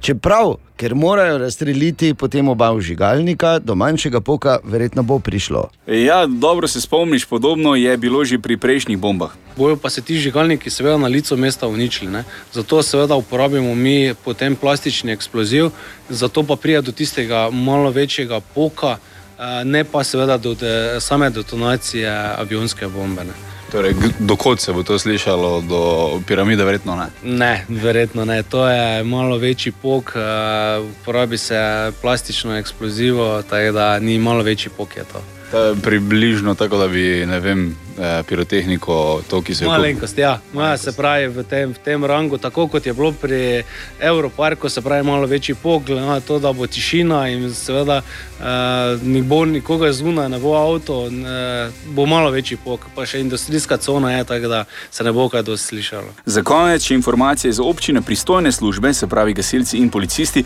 bodo usmerjali evakuacijo vseh v radiju 300 metrov, potem pa bodo obvestili še vse ostale v radiju 600 metrov, naj bodo v notranjih prostorih. Informacije o številu evakuirancev in pa o nastanitvi tistih, ki bi potrebovali za točišče, bodo podali danes tekom dneva. Drži se tezno, nedeljo popovdne bo vse skupaj mimo, dokazano imamo vrhunske pirotehnike, ki znajo, uh, ki znajo dobro to rešiti, ali pa v vsakem primeru želim, da bi bila bomba brez file. In danes je petek. Kaj te, ah, ne, to je bilo prehitro, saj. Prva Ja. ja. špajza je čez dve uri. Tako, tako, gremo, gremo, gremo. Najprej špajza, pol pa še zmaga v kvizu, vse imamo. Zakaj, Bor, se siliš ti naprej noter? Petek, petek, petek. Halo? Je, petek je, ne? In gremo počasi. Kavo je spil, vse ni druga. Ja, to je to. Ja. In to ne eno, petek. tako se sliši. A, danes je petek, pomeni skoraj nemogoče vprašanje, vprašanje, ki je verjetno veliko bolj spektakularno od odgovora ali pač. In seveda tudi tokrat korenini v raziskavi narejeni v Evropski uniji. In danes, danes bo skoraj nemogoče vprašanje zelo, uh, kaj bi bila prava Nemogoče. beseda? Ne, ne, ne mogoče. Uh, zelo bo pokazno. Ne, pokazno Aha, bo, če razumeš. bo. Oj, oj. In sicer, Ne, pazi, obnoviti moramo pravila, samo pet jih ima vsak. tako, ne, si to je novo, vsak ima nazadnje. samo pet poskusov. Okej. Pa Ana ima handicap. Ana ne rabi. Vsak ima pet poskusov, maksimalno pet poskusov, in to je to. Razmišljam o tem, da bi vam znižal na tri. Ne, ker so taki nori poskusi Eh, včasih. to da... za prehitro. Bleh, Ne, ne. Počasi. Nič ne bomo nižali. Ok, dobro. In sicer poslušaj, vprašali so na tisoče žensk v eni raziskavi Ja, žensk. in jim dali eno, eno samo nalogo. Če bi morali svojega partnerja opisati z eno besedo, katera bi to bila, in največkrat, in to z naskokom, se je pojavila ta beseda. Katera? Smešen. Smešen. Ne, škoda. štej si poskuse. Ja, štejem. Torej, s katero besedo so najpogosteje opisale? Ja, no, reči. Kaj Je če kaj? posluša? Ja, lahko pa se umakneš, ne Kaj pa pa? pač. Ja, sej ne, ne bo pokazno. No, povej, Daj, Katja. Bor, ti daj. Ljubezniv. Ne, ne, ni bil ljubezniv najbo, najpogostejša. Priročen. Ne, Ne, mogoče pa je negativno. Len, ne. ampak sigurno je negativno. Ja, te, take ste, ne? Kaj naj rečem? In to širše po Evropski uniji. Ženske opisujejo partnerja, ne? Ja, za eno besedo. Debel. Katja, tebi bom res na tri poskuse. Ja, si rekla, še samo dva poskusa imaš. Torej, Temu vseeno probati očitno, ne? Privlačen. ne, bor, tudi ti si imel zdaj tretji poskus, v bistvu. Drugi, kaj ti... ti Tretji, tretji. šteješ? Ana še ni imela niti enega. Ja, seveda je imel. Kaj? Ne, enega je Pa, imela. Boš ti se zbral malo, lažnivec. Z eno besedo. Ja, no, kaj je Ana? Pa včeraj si imela rojstni dan, pa tako slabo, tako tak nepogumno. Starejši ne pomeni tudi pametnejši. Ne, ne, ne, ne. ne. A ja, to ni bil poskus, jaz mislim starejši. Ja, je bil, je bil, gled, kaj pa ni rekla. Dobro, ni bil starejši. Taka beseda je, da ko bom vam povedal, katera je, boste rekli, ojoj, pa kak, pa zakaj. Le kaj je pa problem nisem?" pravila petih poskusov, ne? Vsi se šparajo. Ja. No, To dajte, ker, va, ker ne smete pozabiti, da bom jaz eh, lahko kadarkoli prekinem igro. tak Da, Ja, ja, ampak zdaj se bo počasi razkrilo, odkot skrivnost okay. uspeha gledatelja. Ker jaz Kaj? imam mnogo Coin. poskusov. Dve- coin, ni coin. Ne govori toliko bor, pa daj raje poskuse, pa na meči peska na okoli v oči. Torej, vsak ima še en poskus, predolgo to traja. Ne, ne, to ne, bi morali uporaben, vedeti. Uporaben, bor. Žal ne. Utru... Utrujen. Ni v pravi Čeprav smeri. to je kar dobro, ja, priznam. Ni v pravi smeri, ne en, ne drugi. Daj nam namig, en Zadnja. mitske namig. nam Zadnji daj. poizkus ima vsak še. ker Ja, pa namig nam daj. Ajde, Možat. rečemo kar, karakterna Možat, možat, lastnost. Možat. Karakterna lastnost je to. Tečnoba. Ne? Katja, ti si jih pokurila. Ana, zadnji poskus. Ja, vse si pogoril. Um, No, lep. to ni karakterna lastnost. Ja, eh pa daj. No, Bor, zadnji poskus. Čakaj, imam še enkrat eh, jutro. Če bi ti meni opisala z eno besedo, kaj bi rekla karakterna lastnost? Inteligenten. Seveda. To je nastavo. Nisem nastavo. Seveda si, da nehaj. Ne, ok, dragi moji, eh, danes po dolgem času niste ugotovili beseda, s katero so najpogosteje ženske opisale svojega partnerja v Evropski uniji, ko so ga morale opisati z eno besedo, je bila trmast. O moj bog! Joj. Mislim, v milijon letih ne bi dali meni tega, tako da. Ne morem, to je Eh. predaleč Eno, sem od tega, da bi to lahko sploh pomislil. Ja, Ti, ja, seveda. Med naslovi, tam zunaj, ki se jih da prebrati, je tudi ena zanimiva informacija, da je v povprečju v zadnjih desetih letih dnevna poraba telefona oziroma gledanja v ekran zrasla za 30 odstotkov v desetih Mhm. letih in da trenutno na dan preživimo povprečno malo manj kot 5 ur z gledanjem v telefon. 5 ur. Na to nismo ponosni. Ne, čakaj, samo malo, zdaj bom jaz, uh, samo malo bom obrnil in postavil samo par vprašanj, ki so retorična, ni treba odgovarjati, prosim. Okej. Ampak samo se vsi skupaj zamislimo. V, eh, torej, dejstvo je, da praktično 5 ur na dan poprečno gledamo v telefon.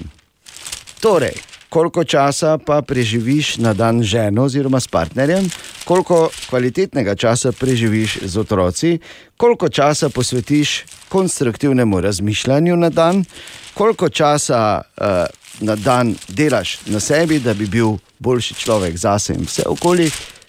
Ali še naj nadaljujem, dragi ZDZ?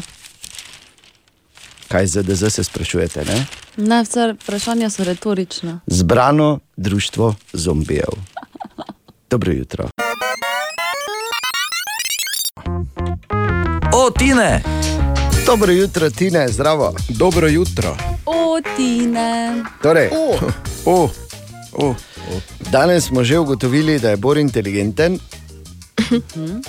Kaj te? Ja, pač. To je ena od ugotovitev. A je Freaky Friday, ne? Tako vidiš, kako veš. Drugače, Tine, uh, pred vikendom in prečenim Freaky Fridayem, danes med drugo in šesto, v svoji glavi nosiš kaj. Popolnoma neuporabno informacijo, kot je recimo ta, ki vas bo mogoče presenetila. Ampak ali ste si mislili, da ima čebela približno enako število dlak na sebi kot veverica? Kaj? Okoli 3 milijone. Pa nima repa. Pa nima repa. Pa bistveno manjša je. Ja. V bistvu je bolj kosmata kot veverica. Ne? Ja, se, ne, pogovarjamo se o, o velikosti dlaka, ampak o številu. Ne? Ja. Ker, Ja. Ne bi si mislil, nekaj Ne bi si veš, viš čebelo, smiš, a gled, kakšna fina gladka. Ja, bolj je. na gosto, mane. Bolj na gosto, Maja. Bolj na gosto. Tako da, če ti reče, dan si pa bolj čebela kot reverica, pa veš, kaj Da bo veš, da si.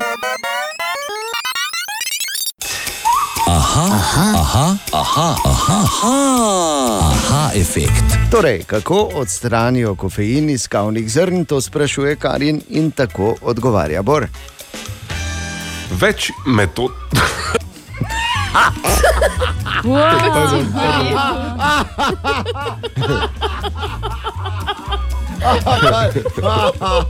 Joj, joj, joj. Okay, smo. Več. Ampak samo. bi opozoril, če dovoliš, bo samo trenutek, da, prosim. Seveda. Kako je začel vehementno? Več metod! Zajel sapo in hreno hrabro.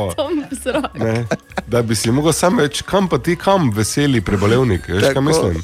Malo Veseli dihaj najprej. Veseli, kam pa kam ti veseli dinozaver, ne? Ja, tudi to je. Okay.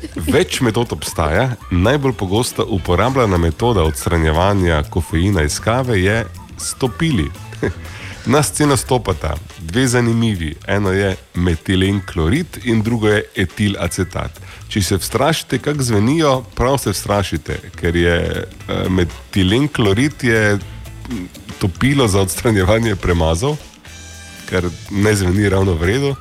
Medtem ko je etil acetat to, zaradi česar, um, ko odstranjujete lak za nohte, ima taki značilen von. Ne? Aceton. Ne, aceton je notri, ni pa nujno. Ne. Ajo, Ampak etil acetat je pa to, kar da ta von notri. Ne. In kaj s tem istim izločajo kofein? Točno z etil acetatom Pohoj in si metilen nor. kloridom naredijo tako lepo kopel, v katerem odstranjujejo kofein. In pol to Tako da- piješ. Jaz ne, jaz imam rad s kofeinom. Mislim, jaz rabim Oh. s kofeinom. Kaj si ti nor? Jaz sem včasih rad eh, kavo brez kofeina, tako mi je. Včasih za spremembo bila fajn. Bom zdaj naslednjič kar 0,3 acetona. Ali tudi vi pogosto totavate v temi? Aha, efekt, da boste vedeli več. Maribor še vedno drži dih oziroma zadržuje sapo. Kaj se bo zgodilo na teznu? V nedeljo bodo torej to odkrito bombo iz druge svetovne vojne deaktivirali, verjamemo, da uspešno, ampak predtem bo sledila tudi evakuacija v radiusu 300 metrov. In, in v tem radiusu je malo šel sem pa tja včeraj David in povprašal tam občanke in občane tezna. Torej, z mano je ena natakarica iz tu iz bližine, tudi vas bojo evakuirali. Zaenkrat še v bistvu ne vemo, kaj se dogaja, nam še ni bilo nič povedano, tudi še nismo dobili nobenega opozorila. Verjetno, glede na to, da v bližini smo, bo tudi verjetno do kakšne spremembe prišlo, zdaj odvisno, katera ura se bo to vse skupaj dogajalo. Ampak delaš pa je popoldne, tako da načeloma. Ja, mora po- iti vse v redu, ne? Ja, v nedeljo smo sicer cel dan odprti, ne? delam tudi popoldne, tako da bomo zdaj videli, če bomo imeli kaj prostega časa vmes ali bomo šli kam. Ali... Jaz upam, no, da bomo vseeno ostali odprti, da se bo rešilo tako, kot treba. Delate tu v bližini, ne? Ja, mikropolo, ja. Tako in uh, je kakšna panika, vas je strah zaradi tega, ali ne? Ne, Ne. Ni, ni panike. Uh, nedeljo tako ne delamo. Kar bomo naredili, bomo voz, službene vozila bomo odstranili, to je slučajno, tako imamo navodila, to je to. Mhm, to so. Torej, do, ni doven poklic od bolniške, pa rekel, da ne prije delati Ne, ne, ni, ni zaradi strahu. stresa. Ne, ni strahu. Bojo vas eh, evakuirali v nedeljo? Ne vemo še. Ne veste še, še niso sporočili. Smo Ne? pa iz tega bloka tu. Aha, tu zraven. Ne? Ja. Pa kaj, um, veste, kam boste šli, če boste mogli že, ali Ja, verjetno k staršem ali pa k sinu. nekam za tiste par ur? Ne? Ja, Pa, vas je kaj strah, to še ne vprašam? Ne. Jaz sem čutil, da je Maribor, ja, samo nisem pa vedel, da je točno na teznem, to pa nisem čutil. V bistvu za plojem, ja, no, malo naprej. To ne vem. Ja. Ne vem lokacije, ne vem, vem pa, poslušal sem včeraj po radiju, da Maribor pa ja, zdaj nisem vedel na teznem. Aha, pa mogoče vas bo evakuirali, to veste, ne? Ne vem. Ne veste? Danes že? Ne, ne, ne, v nedeljo bo. Ja, bomo pač nekam šli za en dan, kaj tečemo. Dobro. Ja, kaj čemo? Če mora, za varnost mora biti vse poskrbljeno, ni problema. Ja, v nedeljo bojo to de deaktivirali, da? Ja, ob 12. naj bi bila sirena in potem do nekje 3 naj bi trajala. Dobro. Če bo treba, bo treba, kaj čemo? Ne? Super, hvala lepa.